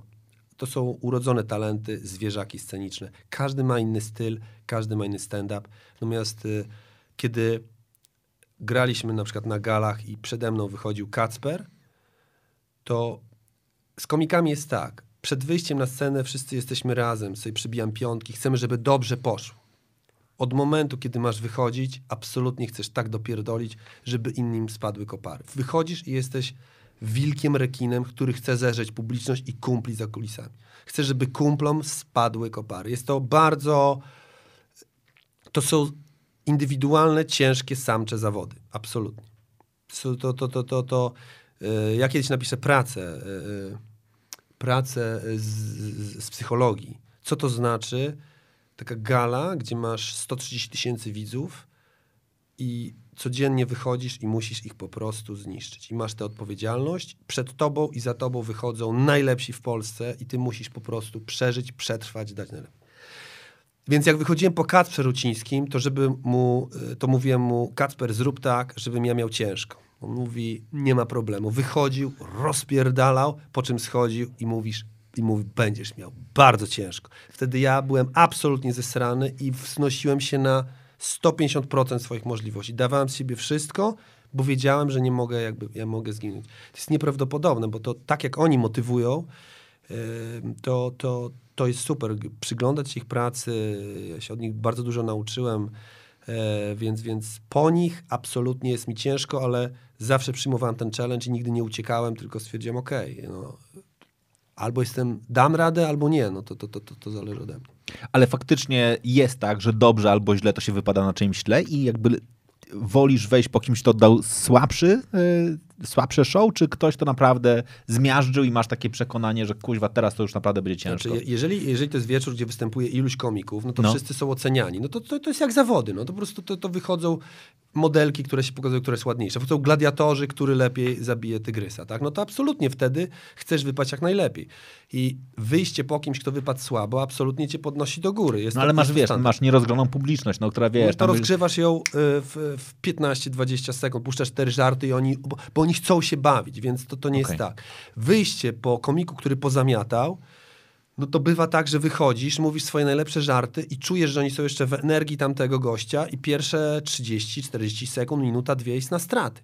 Okej. Bo oni muszą się do ciebie przestroić, do twojego timingu, do, do, do twoich żartów. I, i, i jakby e, to, to są absolutnie takie gale czy, czy, czy takie przeglądy komików, to są zupełnie inne, wiesz, to są inne zawody. Wtedy się inaczej materiał dobiera i, i, i tak dalej. Natomiast kocham te, te, te, te klimaty, ja uwielbiam te challenge, kiedy kiedy po prostu wychodzę po tych gigantach i, i, i, i, kiedy daję radę, jestem z siebie dumny, jest fajnie. Kiedy polegam, no kiedy, kiedy jest, jest kicha, mam absolutnie dół i, kombinuję już po zejściu, co zrobić, żeby poprawić. Jest to niesamowicie twórcze, motywujące i tego. Natomiast, przepraszam, że skończę, y, słabsi psychicznie tego nie, nie, nie, nie wytrzymują. Okej. Zdarzyło ci się nie wyjść na scenę? Znaczy, że wiesz, jesteś, jesteś w programie, wychodzi przed tobą jeden, drugi, trzeci, ty masz wejść, mówisz, kurwa, no nie, no dzisiaj nie dam rady. Przepraszam, idź za mnie, tam wiesz, wypychasz szat, szatniarza i on wtedy ma swój debiut. Nie, debiut nie, no. nie, nigdy, nigdy mi się tak nie zdarzyło. To, ten, ten zawodowy sznyt mam jeszcze z, z, z teatru i tak dalej. E, To znaczy, że, że e, Krystyna Jandat mnie tego nauczyła. Aktor nie zagra tylko kiedy nie żyje. E, Więc jakby ja mam to samo do stand-upu, to znaczy nie, nie odwołałem e, dwa czy trzy spektakle w życiu. Raz miałem ospę wietrzną, byłem cały w kropkach. Raz miałem e, bardzo mocną kontuzję biodra z krwiakiem i też nie mogłem wyjść. E, I to, to, są, to są, to, to jest... e, to I raz miałem zagrać, ale stałem w, w Rosmanie akurat i, i też nie mogłem opuścić sceny. Stary, raz w życiu mi się zdarzyło, że dostałem telefon. To jest koszmar aktora, że dostałem telefon do domu. Rafał, gdzie ty jesteś? Ja mówię, jak gdzie? W domu. Człowieku, ty za 20 minut wychodzisz na scenę. Okazało się, że wiesz, było coś w kalendarzu, po prostu tak to bywa, nie zaznaczyłem. E, Jest to I co, zdążyłeś? tak, tak, bo na szczęście ja byłem wtedy na Mokotowie, a to był Teatr Polonia, więc Okej. to było blisko. Jest to największy koszmar aktora. Jeżeli ktoś pyta aktora, z czym ci się kojarzy największy koszmar, to jest koszmar, kiedy dostajesz telefon, gdzie pan jest. Byłem świadkiem, kiedy aktorzy z spektaklu, którym grałem, dostawali takie telefony. Yy, No, to się może skończyć nawet zawałem. Aktorzy to są takie zwierzęta, które po prostu wiedzą, że 19 czy 19.30 kiedyś wychodzisz, to jest, e, to, jest to jest świętość. Znaczy, może się walić i palić, mo- może się dziać. To, to, to trzeba wyjść i koniec. Jakby widz jest najważniejszy. E, i kiedy, kiedy czekamy na aktora, jego nie ma, dzw- dzwonią inspicjenci, gdzie ty jesteś? No, no u siebie w Krakowie. I nagle wiemy, że on już nie dojedzie na tę godzinę. Kiedy on nagle słyszy, ale ty grasz, to, mu- to najpierw krew ci spływa do stóp, potem się podnosi, potem ci przychodzi całe życie. To jest, to jest porównywalne z tak zwanym momentem, kiedy wiesz, że ktoś ci za chwilę strzeli w łeb. I nagle przychodzi ci cały życiorys przez, przez oczy, bo masz takie... E, więc mm, zdarzyło mi się raz i tego nie, nie życzę nikomu. A to da się, da się to zagrać? Czy w ogóle, to jest, to jest w ogóle teraz powiedziałeś ciekawą rzecz. Czy da się technicznie zagrać e, sztukę w momencie, w którym nie masz e, no, jakby obsadzonej jednej roli? Nie dlatego, że od początku, tylko ktoś po prostu nie dojechał. No. Zda, zda, zdarza się to. To zależy od kondycji finansowej teatru. Jeżeli teatr stać na powiedzenie, proszę Państwa, e, jest tak, że kiedy aktor nie przychodzi do, do, do spektaklu, na spektakl, jest chory, zapomniał, kontuzja, różne rzeczy się zdarzają. Kiedy to się darzy przed, przed spektaklem, wychodzi najczęściej dyrektor teatru lub też inspicjent przed kurtynę, mówi, proszę Państwa, z powodu choroby aktora, z powodu e, niezależnych od nas, spektakl się dziś nie odbędzie, zwracamy bilet albo coś, tak? Wtedy to jest żałoba w teatrze absolutna, bo aktorzy tak stali w blokach, nagle idą. Ja miałem sytuację, gdzie koleżanka miała y, y, y, y, tętniak. W przerwie zagraliśmy pierwszy akt, poszliśmy do garderób, y, czekamy na drugi akt, wpada ktoś i mówi, trzeba wzywać karetkę, mówi, co się stało, nie wiem, straszny ból głowy i tak dalej. Widzowie siedzą w teatrze, aktorka odjeżdża karetką, nikogo nie było, ja wychodzę w kostiumie przed kurtynę i mówię, szanowni państwo, niestety y, taka taka sytuacja i tak dalej. Jest cisza absolutna i tego. Parokrotnie zdarzyło się tak, że teatru nie stać było na odwołanie przedstawienia. Zwrot biletów oznacza śmierć. Wtedy na przykład bywa, że woła się aktora, który może i ten aktor z egzemplarzem chodzi i czyta kwestię aktora, którego nie było. Mówi się widzom o tym, że jest taka sytuacja, czy państwo się na to godzą. Większość się godzi, to jest niezły numer, zobaczyć coś takiego i wtedy taka sytuacja wygląda w ten sposób. E, mm, zdarzyło się kiedyś Bronisław Pawlik świętej pamięci spadł z dekoracji. Spadł, e, po prostu stał gdzieś na balkonie i spadł z dekoracji. Była przerwa 40-minutowa. Zrobiono przerwę, powiedziano widzom, żeby zostali w teatrze. Po 40 minutach on usiadł na krześle, bo to nie była jakaś bardzo poważna kontuzja, ale był starszy i cały spektakl odczytał, znaczy wyrecytował, Wyrecytował. z krzesła, już nie chodząc, tak? E, teatr jest sztuką żywego słowa, teatr jest live, tu i teraz, więc takie rzeczy y, absolutnie się zdarzają. Kiedyś mi kolega opowiedział anegdotę, to jest niebywało, ona jest tragi, tragi śmieszna, ale był na spektaklu, który był strasznie gówniany. Absolutnie od początku do końca była nuda, smutek.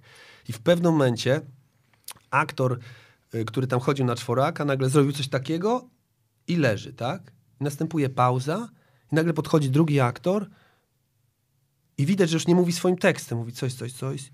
I ten widz mówi, kurwa, nareszcie, Nareszcie się coś coś zaczęło. Zaczęli prawdziwie mówić. Coś fantastycznego. Zaczął myśleć, że jest fajne. I w pewnym momencie wszedł drugi, trzeci i ktoś wstaje i mówi, proszę państwa, no, niestety, ale zdaje się, że kolega złamał sobie. On, wow, no to jest przekmina i w ogóle cały czas jest w temacie. I jakby dopiero po 30-40 sekundach do niego doszło, że aha, to się stało. I to jest fenomen, absolutny fenomen sceny, że to, co tam się dzieje, bardzo często, wiesz, no jakby te, ten pociąg, w, że, że, że do widza dochodzą sygnały, on jakby nie rozumie jeszcze, bo cały czas myśli, że to jest, e, że, że to jest gra. To było, to było, to było śmieszne. Ale przerwali. Czy, czy, czy zagrali do końca Nie no, prze- złamany obojczyk? Abso- absolutnie przerwali, bo, bo, bo, bo, bo, bo, bo już ten człowiek nie mógł, nie mógł ten, po prostu gdzieś tam tego. E, e, e, e, więc więc to, to, to, to jest śmieszne i za to też e, absolutnie teatr, teatr, teatr kocham. No dobra. To jest przepiękne. No ale to, e, to jest pytanie, e, Bogdan e, Markowicz zadaje albo komentuje. No ale to się przyłożyło na przykład na ostatni twój materiał stand-upowy na YouTubie i jest zajebiście. Teraz py- pytanie, do czego to jest komentarz? Obstawiam, że jakiejś e, rozmowy dotyczącej... Jeżeli chodzi o teatr, to tak, miałem, miałem, miałem, być może chodzi o to, w Homarze z Biedronki mam, mam set o teatrze. A, Bardzo zależało mi, żeby w stand-upie móc opowiedzieć o teatrze, no bo jest to bardzo moje. Y, Teatr i stand-up to są tak daleko od siebie rzeczy, że nie wiedziałem, jak to zrobić, żeby to przełożyć na język stand-upowy. Udało mi się to. Opowiadam tam, dlaczego ludzie nie chodzą do teatru, a potem opowiadam prawie autentycznym zdarzeniu. Y, Ten, ten mój bit nazywa się mm, y, y, Jasełka w Puławach, kiedy graliśmy spektakl w domu chemika w Puławach o 10 rano dla 600 gimnazjalistów i jak oni w nas rzucali przedmiotami. Jest to autentyk, to nie był jasełka, tylko coś innego, e, natomiast jest to autentyk. Ja jako aktor, młody aktor, przeżyłem to samo, co ja robiłem jako widz. Ja jako widz w Białymstoku, w Teatrze Węgierki, chodziłem na mega gówniane przedstawienia i na takich mega gównianych przedstawieniach byliśmy straszni. Rzucaliśmy papierami, monetami w tych aktorów. To było straszne, co ja robiłem. I kiedy jako młody aktor wychodziłem przed taką publiczność, rzucali w nas, stwierdziłem, ok, karma wraca. Karma wraca. Masz za swoje, musisz to wziąć na klatę. Więc ani się na tych dzieciaków nie obrażałem, tylko po prostu starałem się przetrwać. I o tym też je, jest ten beat. E, e, to jest w Homarze z Biedronki, e, ale też na moim, na moim Facebooku. I, I jestem z, dumny z tego kawałka, bo ludzie się na tym bawią setnie, a jednocześnie opowiedziałem kawałek prawdy, bo stand-up musi się trochę opierać na prawdzie. Okej, no dobra. I teraz to jest pewnie w ogóle ważna rzecz. Czy twoim zdaniem długoterminowo teatr przetrwa? Bo ja trochę powiedziałeś o dzieciakach. Ja sobie naprawdę pamiętam, że jako dziecko chodziłem, ja jestem z Trójmiasta, więc chodziłem do teatru Bajka na przygody Piratara Barbara i wszystkie inne historie i, jakby, i tak dalej. Ale faktycznie to, wiesz, no wyjście do teatru było, było stałym elementem, nie tylko szkolnym, ale Jasne. po prostu rodzice mnie zapierali do teatru. Pewnie powinienem się uderzyć w pierś, ale nie, nie mam takiego przekonania, że moje dzieci jakoś intensywnie chodzą do teatru, lub też, że, że teatr kręci. Znaczy, że teatr jako rozrywka w porównaniu z grą Fortnite'a i tak dalej, no, Jasne. no nie jest, wiesz, sexy, no. Jasne. y, y, Teatr przetrwa, bo jak wiesz, teatr, teatr y, działa już od y, setek lat. Grecy, Grecy wymyślili taki teatr, jaki teraz znamy i to było y, To, bardzo... to było przed To Fortnite'em. było lata temu i nawet y, przed y, powstaniem y, kościoła katolickiego, więc spokojnie teatr przetrwa. Y, Jest on długo. Natomiast y, absolutnie jest on teraz rozrywką niszową. Mhm. Tak jak wiesz, teatr w latach, y, y, w Polsce w latach 80., w latach 70. y, był Grotowski, był Kantor, to ludzie masowo chodzili do teatru, często z przymusu, bo Mhm. zakłady pracy, ale jednak ludzie uczestniczyli w tej rozrywce. Teraz jest rozrywką niszową i żeby zachęcić dzieciaki, ludzi, którzy nie chęcą, to ten teatr musi być mega dobry. To musi być teatr z najwyższej półki. To musi być teatr robiony przez najlepszych i wtedy nie ma bata, żeby nawet ktoś, kto cały dzień siedzi przy TikToku, nagle nie powiedział, wow, to jest fajne. E, I to jest, no to, to jest wszystko, tak? Natomiast zrobić taki teatr jest piekielnie trudno. I na tym to polega. Jest bardzo dużo hały. Ja jako dziecko chodziłem na, na, na słabe przedstawienia. Moje dzieci prowadzałem do teatru, e, na teatry lalkowe i tak dalej. E, Nóż mi się otwierał w kieszeni, jak patrzyłem na moich kolegów, którzy tak hałturzą, bo wypaczali tym dzieciom e, gust. Ale, ale szacun dla twoich rodziców, że ciebie prowadzali do teatru i i jak będziesz kiedyś chciał swoim dzieciom coś pokazać, w zależności od wieku, po prostu zadzwoń i ja ci coś polecę. Trzeba po prostu, jeżeli teatr, ludzie w teatrze, 2% ludzi chodzi w Polsce do teatrze, zazwyczaj ludzie chodzą raz na 5-6 lat do teatru. Więc muszą pójść na coś naprawdę dobrego, żeby to zapamiętać. A bardzo dobry teatr działa tak zajebiście na zmysły ludzkie, że to są często rzeczy, które ludzie pamiętają potem bardzo, bardzo długo i to zostaje. Bo to jest kontakt z żywym człowiekiem, tam są emocje, które są żywe. Kino, te, kino jest inną emocją. A tam widzi żywego człowieka, który się poci, który mówiąc pluje. I to, są, to jest to coś takiego, że, że to zupełnie inaczej działa. Jak ludzie załapią takiego bakcyla, to potem to, to, to kontynuują. Więc teatr absolutnie przetrwa. Okej. Twoje dzieci myślą w ogóle o tym, żeby pójść e, w kierunku twórczych zawodów? Nie mam zielonego pojęcia. Wydaje mi się, że żadne z nich na pewno nie chce zostać aktorem, Okej. bo chyba widzą ten zawód od tej drugiej strony i, i, i wiedzą, jakie to jest, e, jakie to jest trudne, niewdzięczne i zupełnie to jest co innego niż ludzie sobie myślą, e, że to są szybkie samochody, szybkie kobiety, sława i pieniądze. Natomiast, y, no jeżeli odziedziczyli po mnie geny, znaczy syn na pewno, bo to jest mój biologiczny syn, córka genów po mnie nie odziedziczyła, ale jest absolutnie przesiąknięta e, tym, e, tym, co robię, więc one znają teatr, znają show biznes i, i, i, i są, im się to bardzo podoba, korzystają z tego i zobaczymy, co będą chciały, chciały robić. Natomiast ja będę je od, absolutnie odradzał. Jeżeli Ja właśnie chciałem spytać. nie, nie, będę odradzał. Jeżeli ktoś będzie powiedział, tata chce coś aktorem, aktorką, to ja będę absolutnie odradzał. Ale myślę, że nie muszę, że oni widzą, że to jest... y, To jest taki fach, którym nawet nie wiem, ile byś pracował, ile byś miał talentu i tak dalej. Y, Jak nie masz szczęścia jakiegoś tego, to, to możesz nigdy nic nie osiągnąć. To kurewsko niesprawiedliwy fach. I jeżeli się szybko o tym człowiek przekona i tak dalej, to ma już taki luz. Natomiast jak ktoś ma, że, że, że, że, że, że muszę coś osiągnąć, być sławny, mieć jakąś karierę i tak dalej, to nie idzie, no to można no, naprawdę sobie strzelić w łeb. Ty osiągnąłeś sukces? Absolutnie. Absolutnie. A im dłużej żyję i patrzę na moje możliwości, jakby na to, co dostałem i tak dalej, gdzie w porównaniu do innych e, moich kumpli jestem znacznie mniej zdolny, znacznie mniej jakby nie wiem, me- medialny i tak dalej, to uważam, że ja osiągnąłem je, jeszcze, wiesz, po, po, po, po kokardę, więc y, mm, i jeszcze tym bardziej jestem satysfakcjonującą, że, że większość osiągnąłem e, jakby sam, to znaczy, że, że sam sobie to, to, to wszystko torowałem. Bardzo mnie to e, ba- bardzo mnie to kręci, ale jak wiesz, aktorzy mogą uprawiać swój fach, jeżeli są w niezłej formie, do nawet y, 75, 80.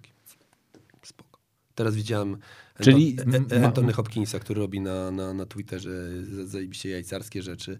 E, wygląda na faceta, który ma 17 lat, to co robi, to jest absolutnie spoko. Czyli masz 47, Tak. grasz od dwu- 20 ile? E, No gram od 23 roku życia powiedzmy w, te, w teatrze. No, tak, Czyli 24 lata. no, do, do, do, 20, do, do, 25 tak, lat. 25 lat, czyli jesteś dokładnie w połowie swojego grania I aktorskiego. teraz mam najlepszy czas. dla aktora mężczyzny czas między 40 a 50 to jest ten absolutnie najlepszy czas. Kobiety już idą, że tak powiem, do piachu jako aktorki, bo są brzydkie, robią się brzydkie i stare i mają zmarszczki. Aktorki muszą Kobiety nigdy nie robią się brzydkie ani stare. Y, Ja mówię językiem, y, brutalnym językiem aktorskim, a nie tym obiegowym. Ja też uważam, że kobiety są najfajniejsze po 40. Natomiast y, jeżeli chodzi o aktorstwo, jest to absolutnie y, brutalne. Kobiety muszą bardzo szybko w wieku 20 paru lat y, zaznaczyć się, osiągnąć coś, żeby o nich pamiętały. E, Nie ma w Polsce ról dla dojrzałych kobiet. E, Absolutnie nie ma. Na, na palcach jednej ręki można wyliczyć, więc, więc, e, więc te kobiety po prostu nie, nie mówię, że nie mają co grać. Większość ról na świecie jest napisana dla mężczyzn. Wiesz, no mężczyźni walczą, e, zabijają się i tak dalej. A żony są albo kochankami, albo nałożnicami, albo matkami, znaczy kobiety. Więc, więc, więc dla, dla mężczyzn jest najlepszy. Więc ja jestem w tym najlepszym okresie teraz. I jak zamierzasz ten okres wykorzystać? Y, No, będę robił, ile, będę robił, ile fabryka dała.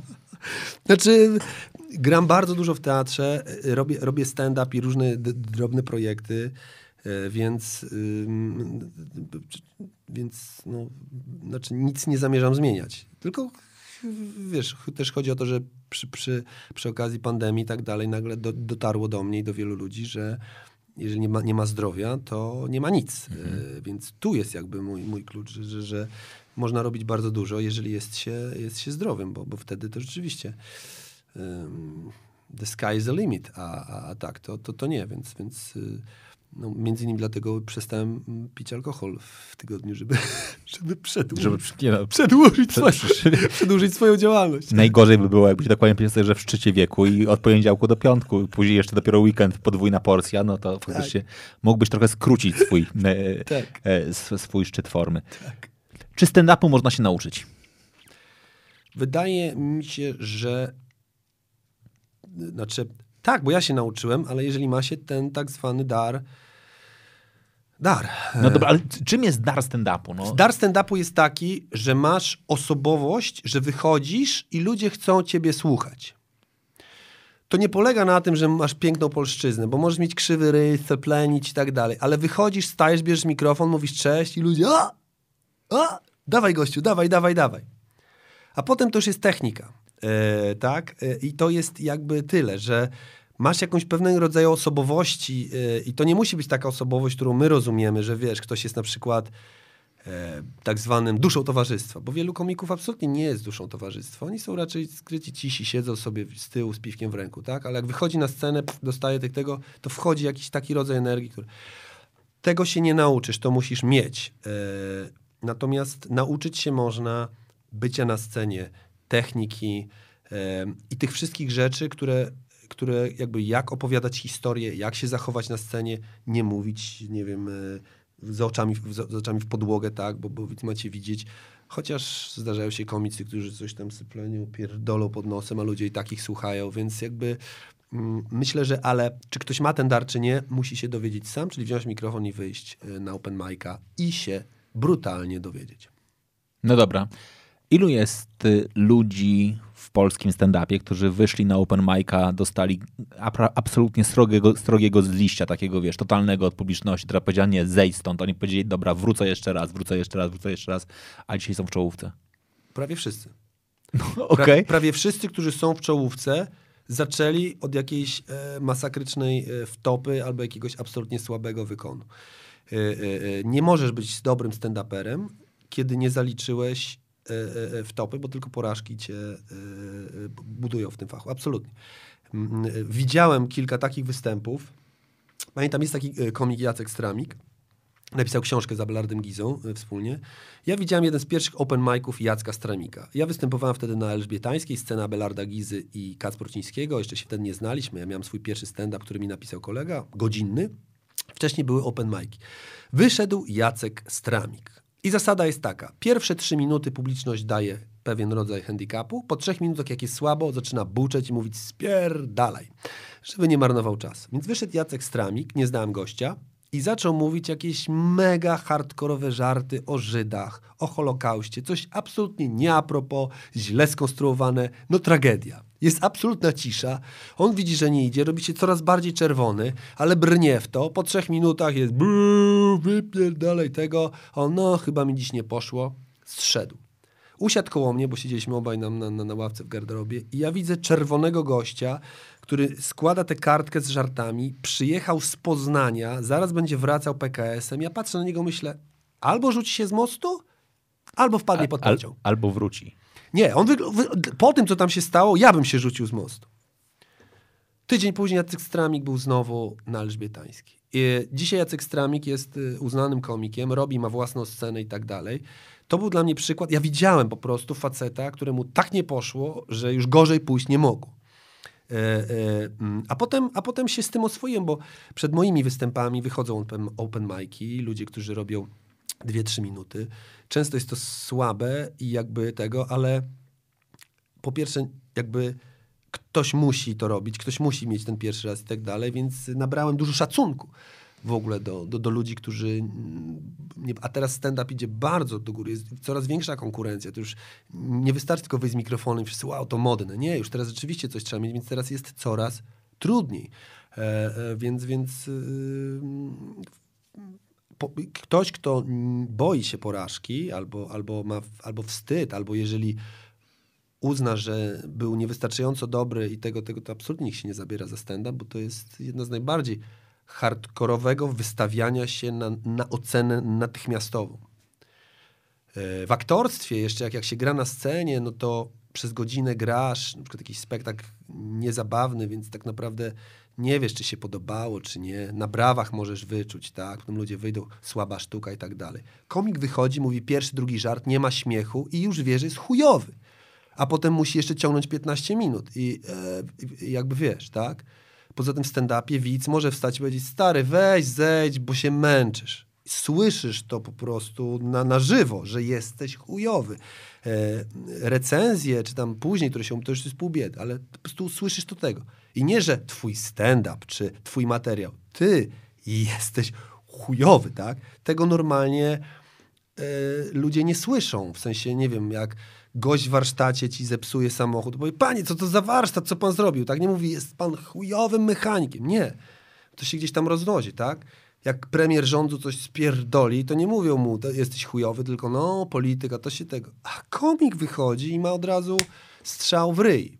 Jest to bardzo brutalne. To ja nie chcę być komikiem.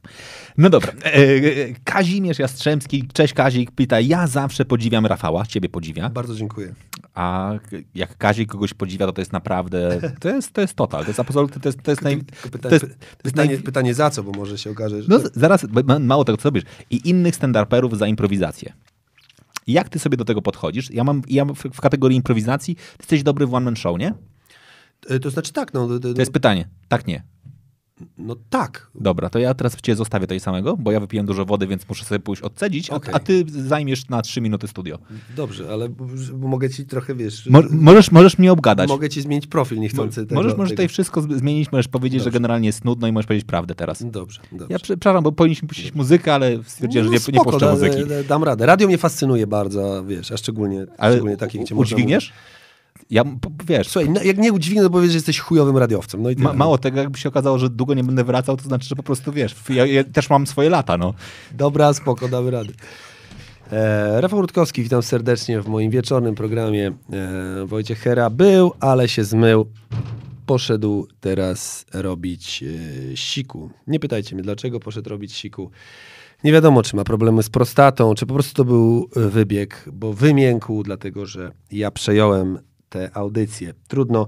Żegnamy dzisiaj Wojtka. Mm, e, Bardzo było się z nim miło widzieć, no ale trudno. Teraz to radio nazywa się Radio Rutek.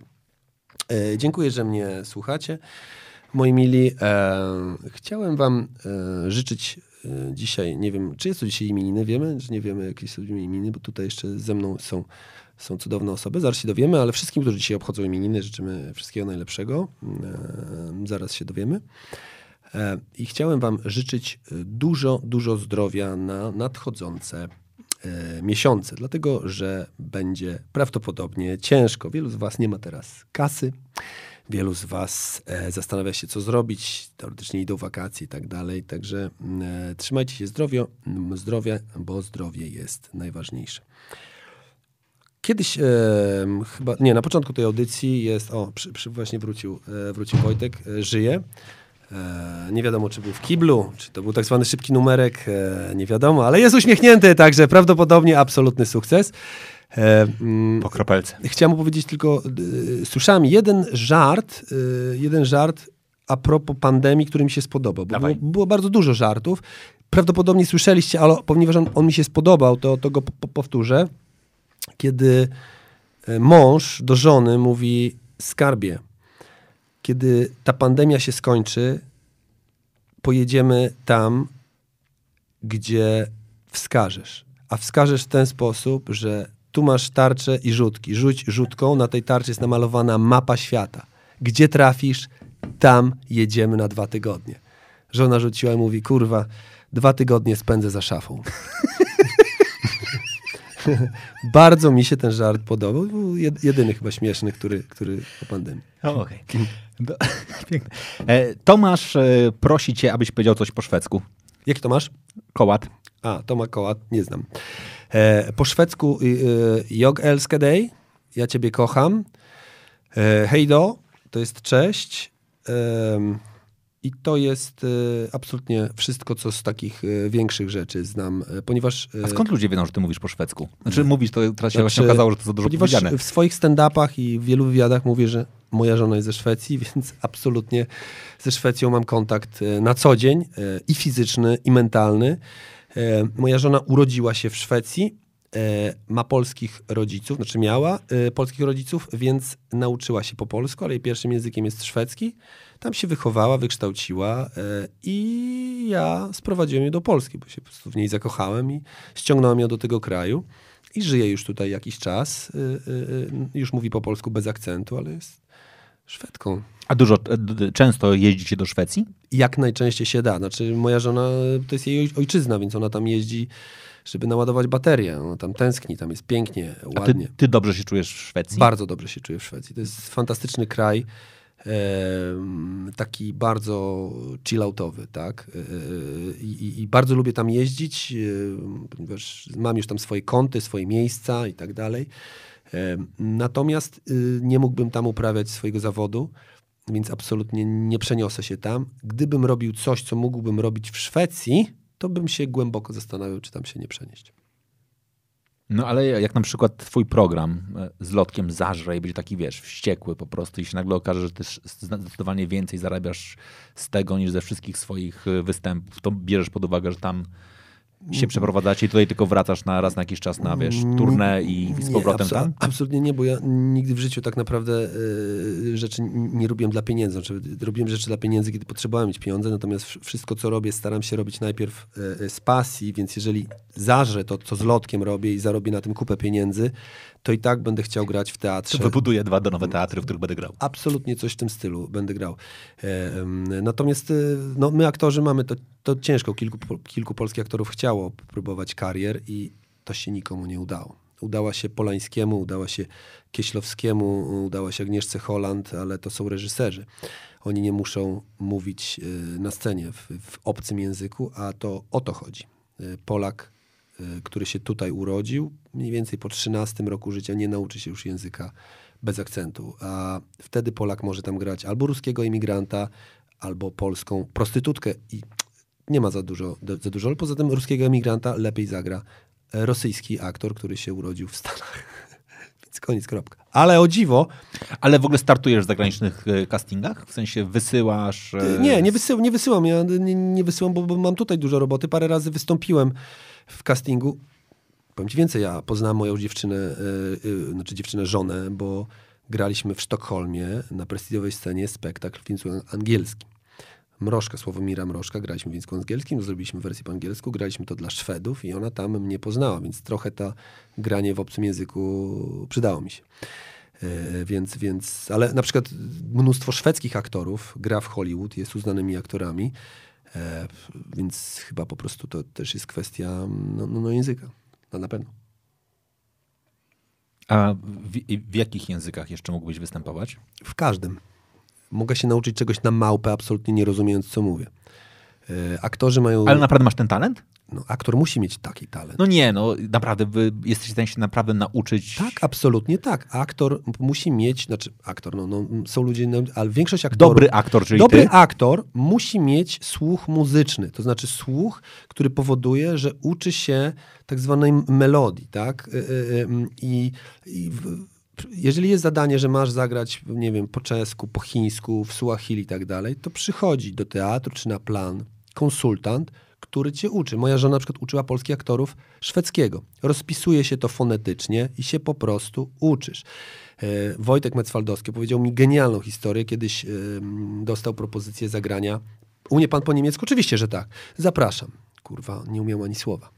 I nauczył się na małpę. To znaczy e, w ten sposób, że były próby, chłopaki szli se na piwo, on po nocy rył, ajcy, cwajcy, nauczył się i mówił. Mój kolega, którym graliśmy ten spektakl po angielsku, nie mówi po angielsku. Nauczył się z taśmy i mówił tekst. Ja mówię, stary, jeżeli coś popieprzymy w trakcie, to ty nie jesteś w stanie wrócić, bo jesteśmy w dupie. Wtedy, wiesz, to, to się, traki się nałożą. E, ale tak, aktorzy tak, tak, tak grają, więc, więc to, to jest tak jak, jakby ci to powiedzieć, no, no, no, no no to tak jak się uczysz pewnego śpiewu, muzyki, wiesz, to, to jest, to jest, to jest, to jest, to, to dasz radę. Jest to dziwne, ale, ale dajesz radę. Okej. Okay. Wróćmy do stand-upu, a dokładnie do jego części, którą jest y, roast. Dobrze, tak. No. E, bardzo popularna e, jakby teraz gałąź, roast. Ma wielkie wyświetlenia na YouTubie. No cóż, ci, którzy wiedzą, co to roast, to wiedzą, czy którzy nie wiedzą, jest to po prostu mm, sztuka obrażania. Mhm. Sztuka inteligentnego, złośliwego, hardkorowego, dowcipnego, co jest ważne, obrażania się nawzajem. Mówienia sobie złośliwości, mówienia sobie e, e, obelg i tak dalej, w ramach pewnej formy, którą nazywamy roastem. Jaka jest jego forma w takim razie? Znaczy, gdzie jest taki poziom e, obrażenia, który już wychodzi poza e, ramy roastu? Źle, źle zrobiony roast e, jest po prostu mm, chamski hamową. i hamową i, wulga, i wul, wul, wulgarną. Najlepsze roasty robią ludzie, którzy się lubią. Na YouTubie jest mój roast na przykład. Prawie 3 miliony ludzi to widziało. Abelard Giza, Pacześ, Lotek, Ruciński, Paweł Domagała, Jachimek, ludzie, których uwielbiam, lubimy się wzajemnie, umówiliśmy się na obrażanie nawzajem, y, no i mnie, bo jakby roz polega na tym, że jest jakby yy, bohater. bohater, na którego wszyscy nawalają, ale jednocześnie wszyscy na siebie. I nie ma nic fantastyczniejszego jak yy, próba yy, jakby znalezienia, rozkminienia, jak mogę fajnie dociąć, obrazić mojego kumpla. Wiemy o sobie wszystko, docinaliśmy już sobie prywatnie wiele razy, jak można, y, y, jest to bardzo kreatywna i wbrew pozorom jedna z trudniejszych sztuk, dlatego ci dobrzy komicy coraz rzadziej biorą w tym udział, bo no wiesz, ile razy możesz obrażać Lotka, ile razy możesz obrażać Abelarda, no już, już brakuje jak, tak, więc ja ostatnio oglądałem na Comedy Central starego roasta e, Trumpa, który jeszcze wtedy, wtedy kandydował. No niestety w Polsce nie mamy jeszcze tej kultury, żeby Duda, Morawiecki, czy szczególnie czy ktoś z prawej strony, bo tam o Biedronia czy, czy, czy, czy chłopaków z lewej strony się nie boję. Natomiast prawa strona nie ma czegoś takiego. Nie wyobrażam sobie sytuacji, że robimy roasta Morawieckiego. Był, był roast w sieci y, y, Korwina. Nie, nie widziałem tego roasta. Podobno nie jest najlepszy, tak? Ale, ale, ale y, i widziałem ten roast Trumpa i on był fantastyczny. Znaczy Trump przyjmował te ciosy na siebie. Tam były naprawdę mocne żarty w ciekawy sposób to odpowiedział. On to, on to potraktował chyba jako formę automarketingu i, i jakby takiego, wiesz, no, popularnego. Zresztą udało mu się, został prezydentem.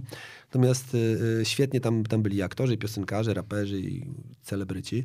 I to jest absolutnie inna, inna, inna kultura. Y, u nas na razie się obrażają komicy i celebryci. Mm, mm, y, więc y, dobry roast jest zrobić trudno, ale kilka roastów w Polsce wyszło.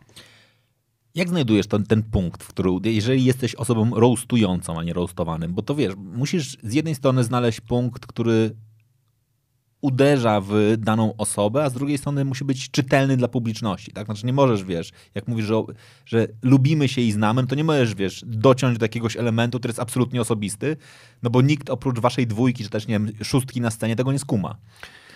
Akurat z komikami jest tak, że komicy, że komicy mają dosyć. E, znaczy, komicy wiedzą, że jak wychodzą na scenę, to zaczyna się strefa żartu.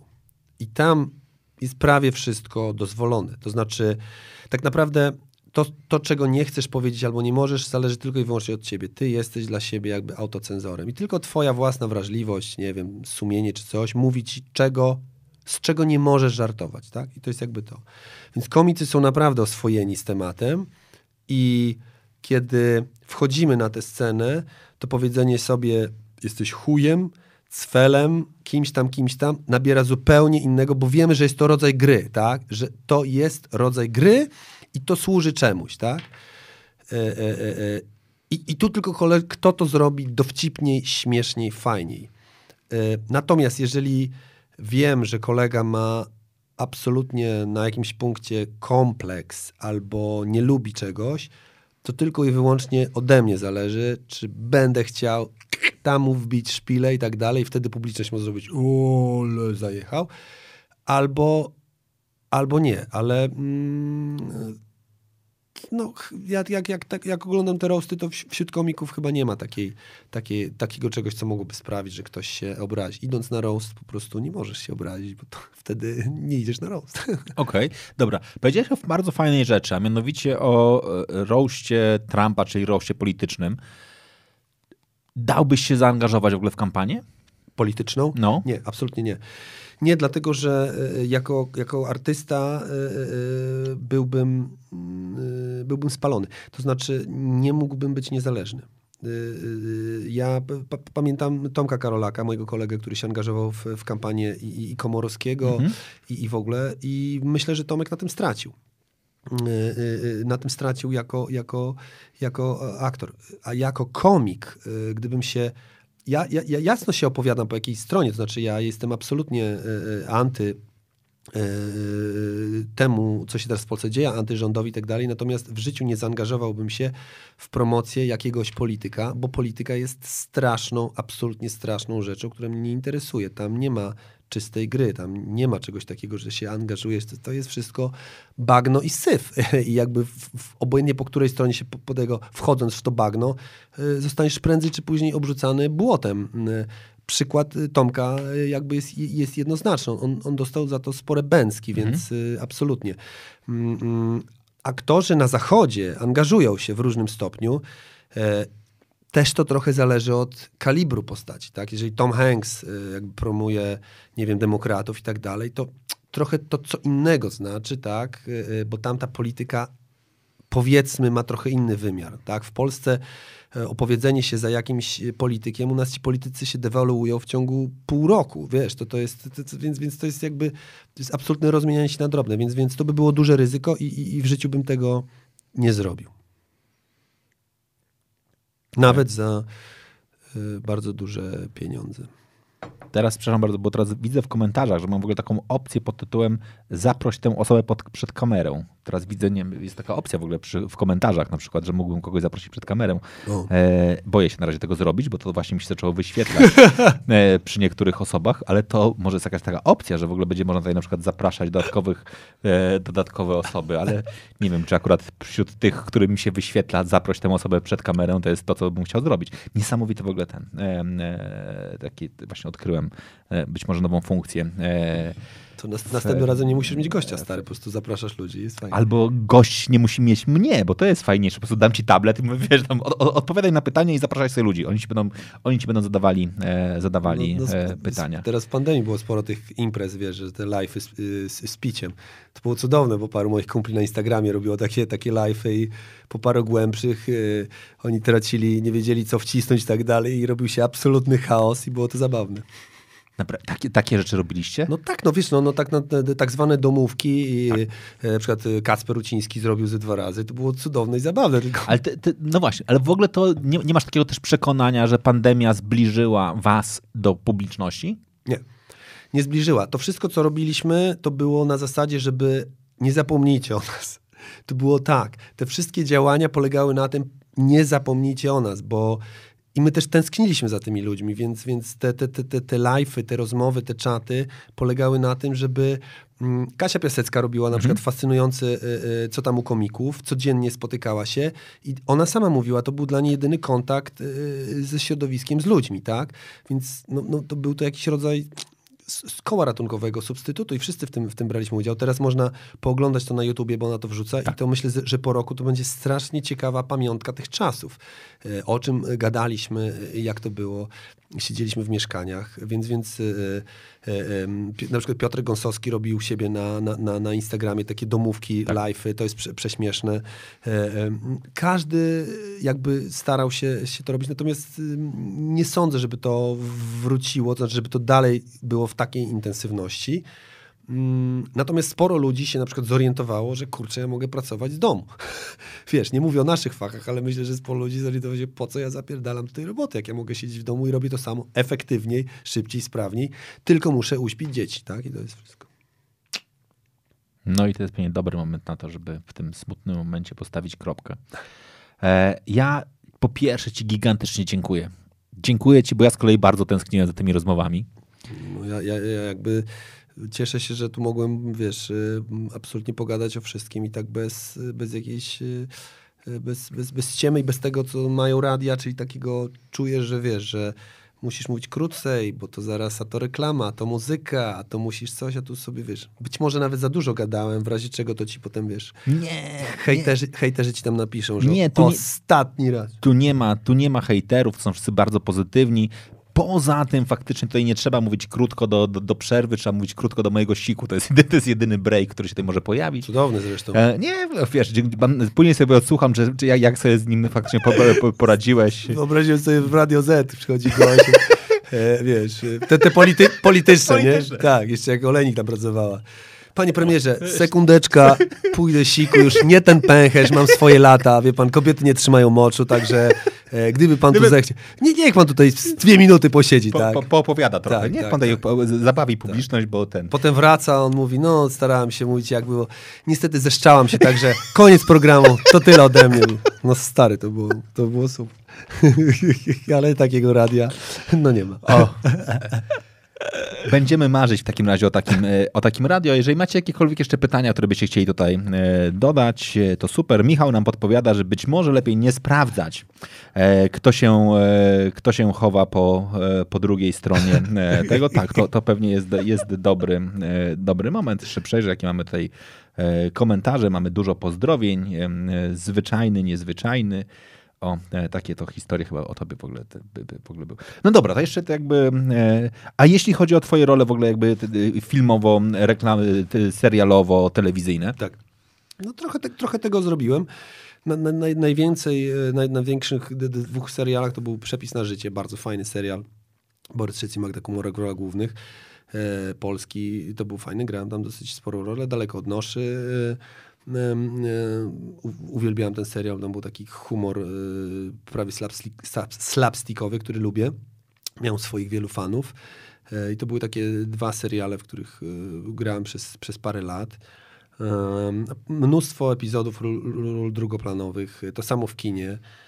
Największą rolą w kinie to była rola dru- drugoplanowa w Juliuszu. Jak mówię, jestem do zadań specjalnych. Ale to, to, co zagrałem i mam nadzieję jeszcze zagram w kinie, jako, mi jako aktorowi, absolutnie mm, jestem z tego usatysfakcjonowany, bo, bo poznałem to. Grałem u wspaniałych reżyserów, grałem i Em, grałem i u Wajdy, i u Agnieszki Holland, y, grałem u Wegi, e, grałem u, z mnóstwo fantastycznymi aktorami, więc y, no wiesz, y, y, jakby to powiedzieć, y, aktor to nie jest zależne ode mnie tak naprawdę. Tak? Jeżeli będę robił różne rzeczy, będzie mnie widać, to mm, aktorzy, znaczy reżyserzy mnie, mnie angażują, biorą. Jeżeli nie, nie mam na to absolutnie wpływu i tym się nie, mm, nie stresuję, ponieważ y, ja się tak wygrałem dużo i w teatrze, i na scenie, i tak dalej, że y, no, film i telewizja jest pewnym elementem mojego fachu, który biorę i się cieszę. Jak go nie ma, tylko po prostu po prostu go nie ma, jest coś innego. A jak jest w Polsce w ogóle w przygotowywaniu się do roli pod względem fizycznym? Znaczy, czy to jest tak, że ktoś się jest w stanie sobie ciebie wyobrazić pod tym, o, mam taki fajny pomysł, on mi zagra grubasa i przychodzą do ciebie i mówią, ty słuchaj, masz teraz, wiesz, Nie, nie, ma, masz pół roku, masz utyć do roli. Nie, to ze mną tak y, nie będzie i, i nie ma, y, bo ja nie jestem tego typu kalibru aktorem. y, Natomiast Dawid Ogrodnik jest wspaniałym przykładem aktora, który robi takie metamorfozy. Piotrek Głowacki, y, poniekąd Borys, Borys Szyc, on się do Piłsudskiego przygotowywał, chudł i tak dalej. Fajnie y, Tomek Kot, y, który robił religę w, Bogo, w Bogach, opowiadał, odpowiadał nam jak przyszedł na, na, na, na zdjęcia próbne, mimo że on jest znacznie wyższy od religii, nie, nie wygląda jak religia, ale coś tam pokombinował z, z tym, z takim lekkim podniesieniem e, ramion i tak dalej i, i to zrobił, więc są aktorzy w Polsce, którzy jakby y, y, co do, do, do których reżyserzy mają pewność, że oni mogą zrobić coś takiego i wtedy dają tym aktorom czas na to, żeby się przygotować. Y, że mówią, słuchaj, zdjęcia mamy za pół roku, schudnij, tak? I wtedy aktor chodzi na siłownię i tak dalej. Albo naucz się tego. Ym, albo y, zapuść włosy, albo wręcz odwrotnie, pamiętaj, że będziesz y, y, łysy. To jest śmieszne, jak aktorzy grają na planach filmowych, na przykład grają spektakl y, normalnie, po czym po jakimś czasie grają spektakl z wąsami albo z brodą, bo grają na planie. Mm, Andrzej Saramonowicz mi opowiadał, że y, y, Michał Żebrowski miał grać y, w jego filmie Komandosa. Tylko w tym czasie Michał Żebrowski grał Janosika u Holland i miał taką brodę. No i on przychodzi, a Andrzej mówi, Michał, ty, no, no musisz zgodzić, bo nie ma komandosów z brodą. Mówi, stary, nie mogę, bo gram Janosika. Mówi, no to nie zagrasz. On mówi, trudno, tak? E, Na przykład jak Borys y, Szyc przygotow- y, grał rolę silnego w wojnie polsko-ruskiej, no to on był takim przypakowanym dresiarzem. E, A do jakiejś roli go potrzebował właśnie, też Andrzej opowiadał, że Borys przyszedł i mówi, stary, ale ty wyglądasz jak jakiś drechol z buja, ja potrzebuję subtelnego człowieka. On mówi, sorry, teraz jest tak. Więc to, mm, to jest w polskim kinie, to się zdarza, ale tak spektakularnych meta, metamorfoz jak, jak, jak na zachodzie nie ma, bo u nas jest ryn, inny rynek, inne pieniądze. U nas w Polsce nikt nie powie aktorowi, proszę cię, nic nie rób przez rok, tu masz Okej. pieniążki, zajmij się przygotowaniem do roli. Jedź do Tybetu, tam posiedź sobie dwa miesiące, tu masz opłacone hotele, potem jedź na Madagaskar, zobacz jak zachowują się e, e, jelenie madagaskarskie, a potem wróć tu i tu masz cztery miesiące w domu publicznym w Chorzowie, bo pamiętaj, będziesz grał Alfonsa z Tybetu, dobrze? Dobrze, mam, to rozumiesz. Nie ma czegoś takiego. Tu jest wszystko, e, myślę, że, że, że często aktorzy sami jakby wymagają wy- i kombinują. Y, y, y, Natomiast y, ja na przykład musiałem się uczyć, miałem, na przykład jak graliśmy Przepis na życie, to tam grałem kucharza zawodowego, no i miałem warsztaty skrojenia z tego, jak się zachowują kucharze w kuchni i tak dalej, no, żeby, żeby, żeby, żeby to jakoś, jakoś wyglądało. Na przykład miałem takie rzeczy, teraz będę grał rolę policjanta, który pałuje i, i, i będę miał em, krótki warsztat kaskaderski, tak, e, czyli Okej. materace, jakieś tam naparzanki, no ale to drobiazgi. No dobra. Tutaj piszą faktycznie, że e, jak chcą grubasa, to biorą lotka. Ty, Michał, jesteś absolutnie brutalny w, w, w tym momencie, ale jakby lotek akurat z, tego też sam często żartuje. Samemu trzeba zostać reżyserem i przyjrzeć się na profesjonalną realizację stand-up dla YouTube i nie tylko, to ci podpowiada i było dobrze. To już zdecydowanie o tobie. Super, dziękuję serdecznie, fantastycznie, cieszę się. Było dobrze, to tak jak po dobrym seksie, było dobrze. Seks w twoim życiu wraca. No, no, no, no tak, no, jak ja ci powiedziałem, wiesz, no, bo to jest y, y, rzecz, która bardzo y, jakby nakręca ten, ten świat. I to jest absolutnie idealny moment do tego, żeby e, postawić Teraz powinniśmy zacząć pasmo nocne, stare, takie krok, krok. Ja cię zapraszam w takim razie do takiego I, pasma. I wtedy pa- tam pa- na kamerkach pas- się pas- będą pas- dziać takie rzeczy, że my tu pas, pas, pas, pasma nocnego i wtedy będziemy zapraszali osoby, dokładnie. to- po, pokaż, dokładnie. pokaż. Dokładnie, tylko to już będzie za grube pieniądze, To stary. to, to będzie tak. zdecydowanie. Tak. Okej, E, to jeszcze jedna. e, Ty wykładasz gdzieś? Nie, ale zdarzyło mi się na. Nie wiem, czy to się Koźmiński nazywa, czy nie, jest taka szkoła. Jest. Wy, wykładałem, e, miałem wykłady na produkcji filmowej, e, miałem temat e, stosunki... m, Znowu? e, Oczywiście. Nie, nie, sto, stosunki międzyludzkie na planie filmowym, Okej. czyli hierarchia, reżyser, jak, jak, jak w ogóle wygląda hierarchia aktorzy i miałem chyba cztery czy pięć wykładów, było to bardzo, bardzo śmieszne. Mm, ale da, dałem chyba radę, bo widziałem, że ludzie się nudzili. Kiedyś prowadziłem dla biznesu, to się nazywało Humor w biznesie i prowadziłem takie szkolenie, jak można włączyć elementy humoru mm, do biznesu. Mm, Zrobiłem to dla sportu zupełnie, chciałem sprawdzić, czy, czy, czy się uda. Udało się, potem nie miałem czasu jakby tego mm, kontynuować, i więc, więc ale przez moment byłem, byłem wykładowcą. Ciężka, ciężka sprawa. A lubisz uczyć w ogóle? Nie. Nie lubię, dlatego nie, nie, nie, nie, mógłbym wykładać w Akademii Teatralnej, Mhm. ale nie lubię, bo e, wydaje mi się, że nauka wiąże się z pewną odpowiedzialnością, tak? A ja mm, nie, nie, nie chcę brać odpowiedzialności za, za, za, kogoś, za kogoś innego i bardzo się przejmuję tym, jak już mam. Parę razy musiałem kogoś coś nauczyć, raz, y, dwa razy reżyserowałem spektakl, mnie to absolutnie zabijało. Znaczy ta odpowiedzialność za drugą osobę była dla mnie nie, nie, nie, nie do przejścia. Chyba za, coś za bardzo za poważnie do tego, e, e, tego ale stwierdziłem, że, że, że, że nie. Nie, nie. nie kręci. Znaczy nie mam, e, nie mam satysfakcji z tego, że ktoś ode mnie zależy, tak? W ogóle tego nie czuję, tak? Ja bym naprawdę chciał kogoś nauczyć i jakbym zobaczył, że ten ktoś nie daje rady albo że to bym wziął to na siebie, że to moja wina i wtedy bym, wiesz, wtedy bym chodził struty. Nie lubię być struty.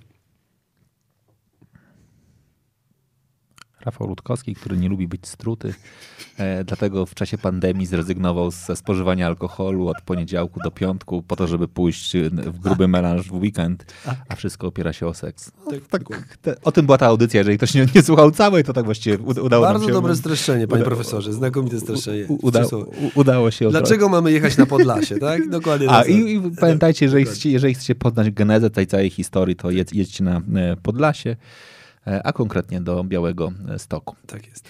Ja sobie właśnie przypomniałem, że na koniec muszę was poprosić o to, żebyście subskrybowali ci, którzy oglądają to na YouTubie, kanał na YouTubie, a ci, którzy widzieli to teraz na żywo z nami na em, Facebooku, pamiętajcie o tym, żeby skorzystać z przycisków emocji, czyli na przykład możecie kliknąć, o, se sam kliknę, bo wy widzę, nie chcecie klikać, to se sam dam tutaj, tutaj dużo emocji, żeby było dużo emocji. E, polecam, to jest, to jest ten moment, a jeżeli słuchaliście to na podcastach, e, E, właśnie, co się robi z podcastami. Kuźwa, nie pamiętam, dawno nie prowadziłem tej audycji. Z podcastami też pamiętajcie, żeby pisać komentarze i też e, dodawać do ulubionych, czy subskrybować chyba. Tak, bardzo Ci dziękuję. To ja wam dziękuję serdecznie. Tobie dziękuję wszystkim, którzy byli w studio. 68 osób. E, przepiękne, wielkie studio e, koncertowe i wam, słuchaczom i oglądaczom, to był super czas. Pozdrawiam gorąco. To byłem ja, Jerzy Kryszak. Nie mogłem sobie wyobrazić lepszego powrotu po e, przerwie zwią- związanej z pandemią. Dziękuję Wam bardzo serdecznie. Do zobaczenia. Nie puszczę muzyki, bo mi się zablokował komputer. Pozdrawiam.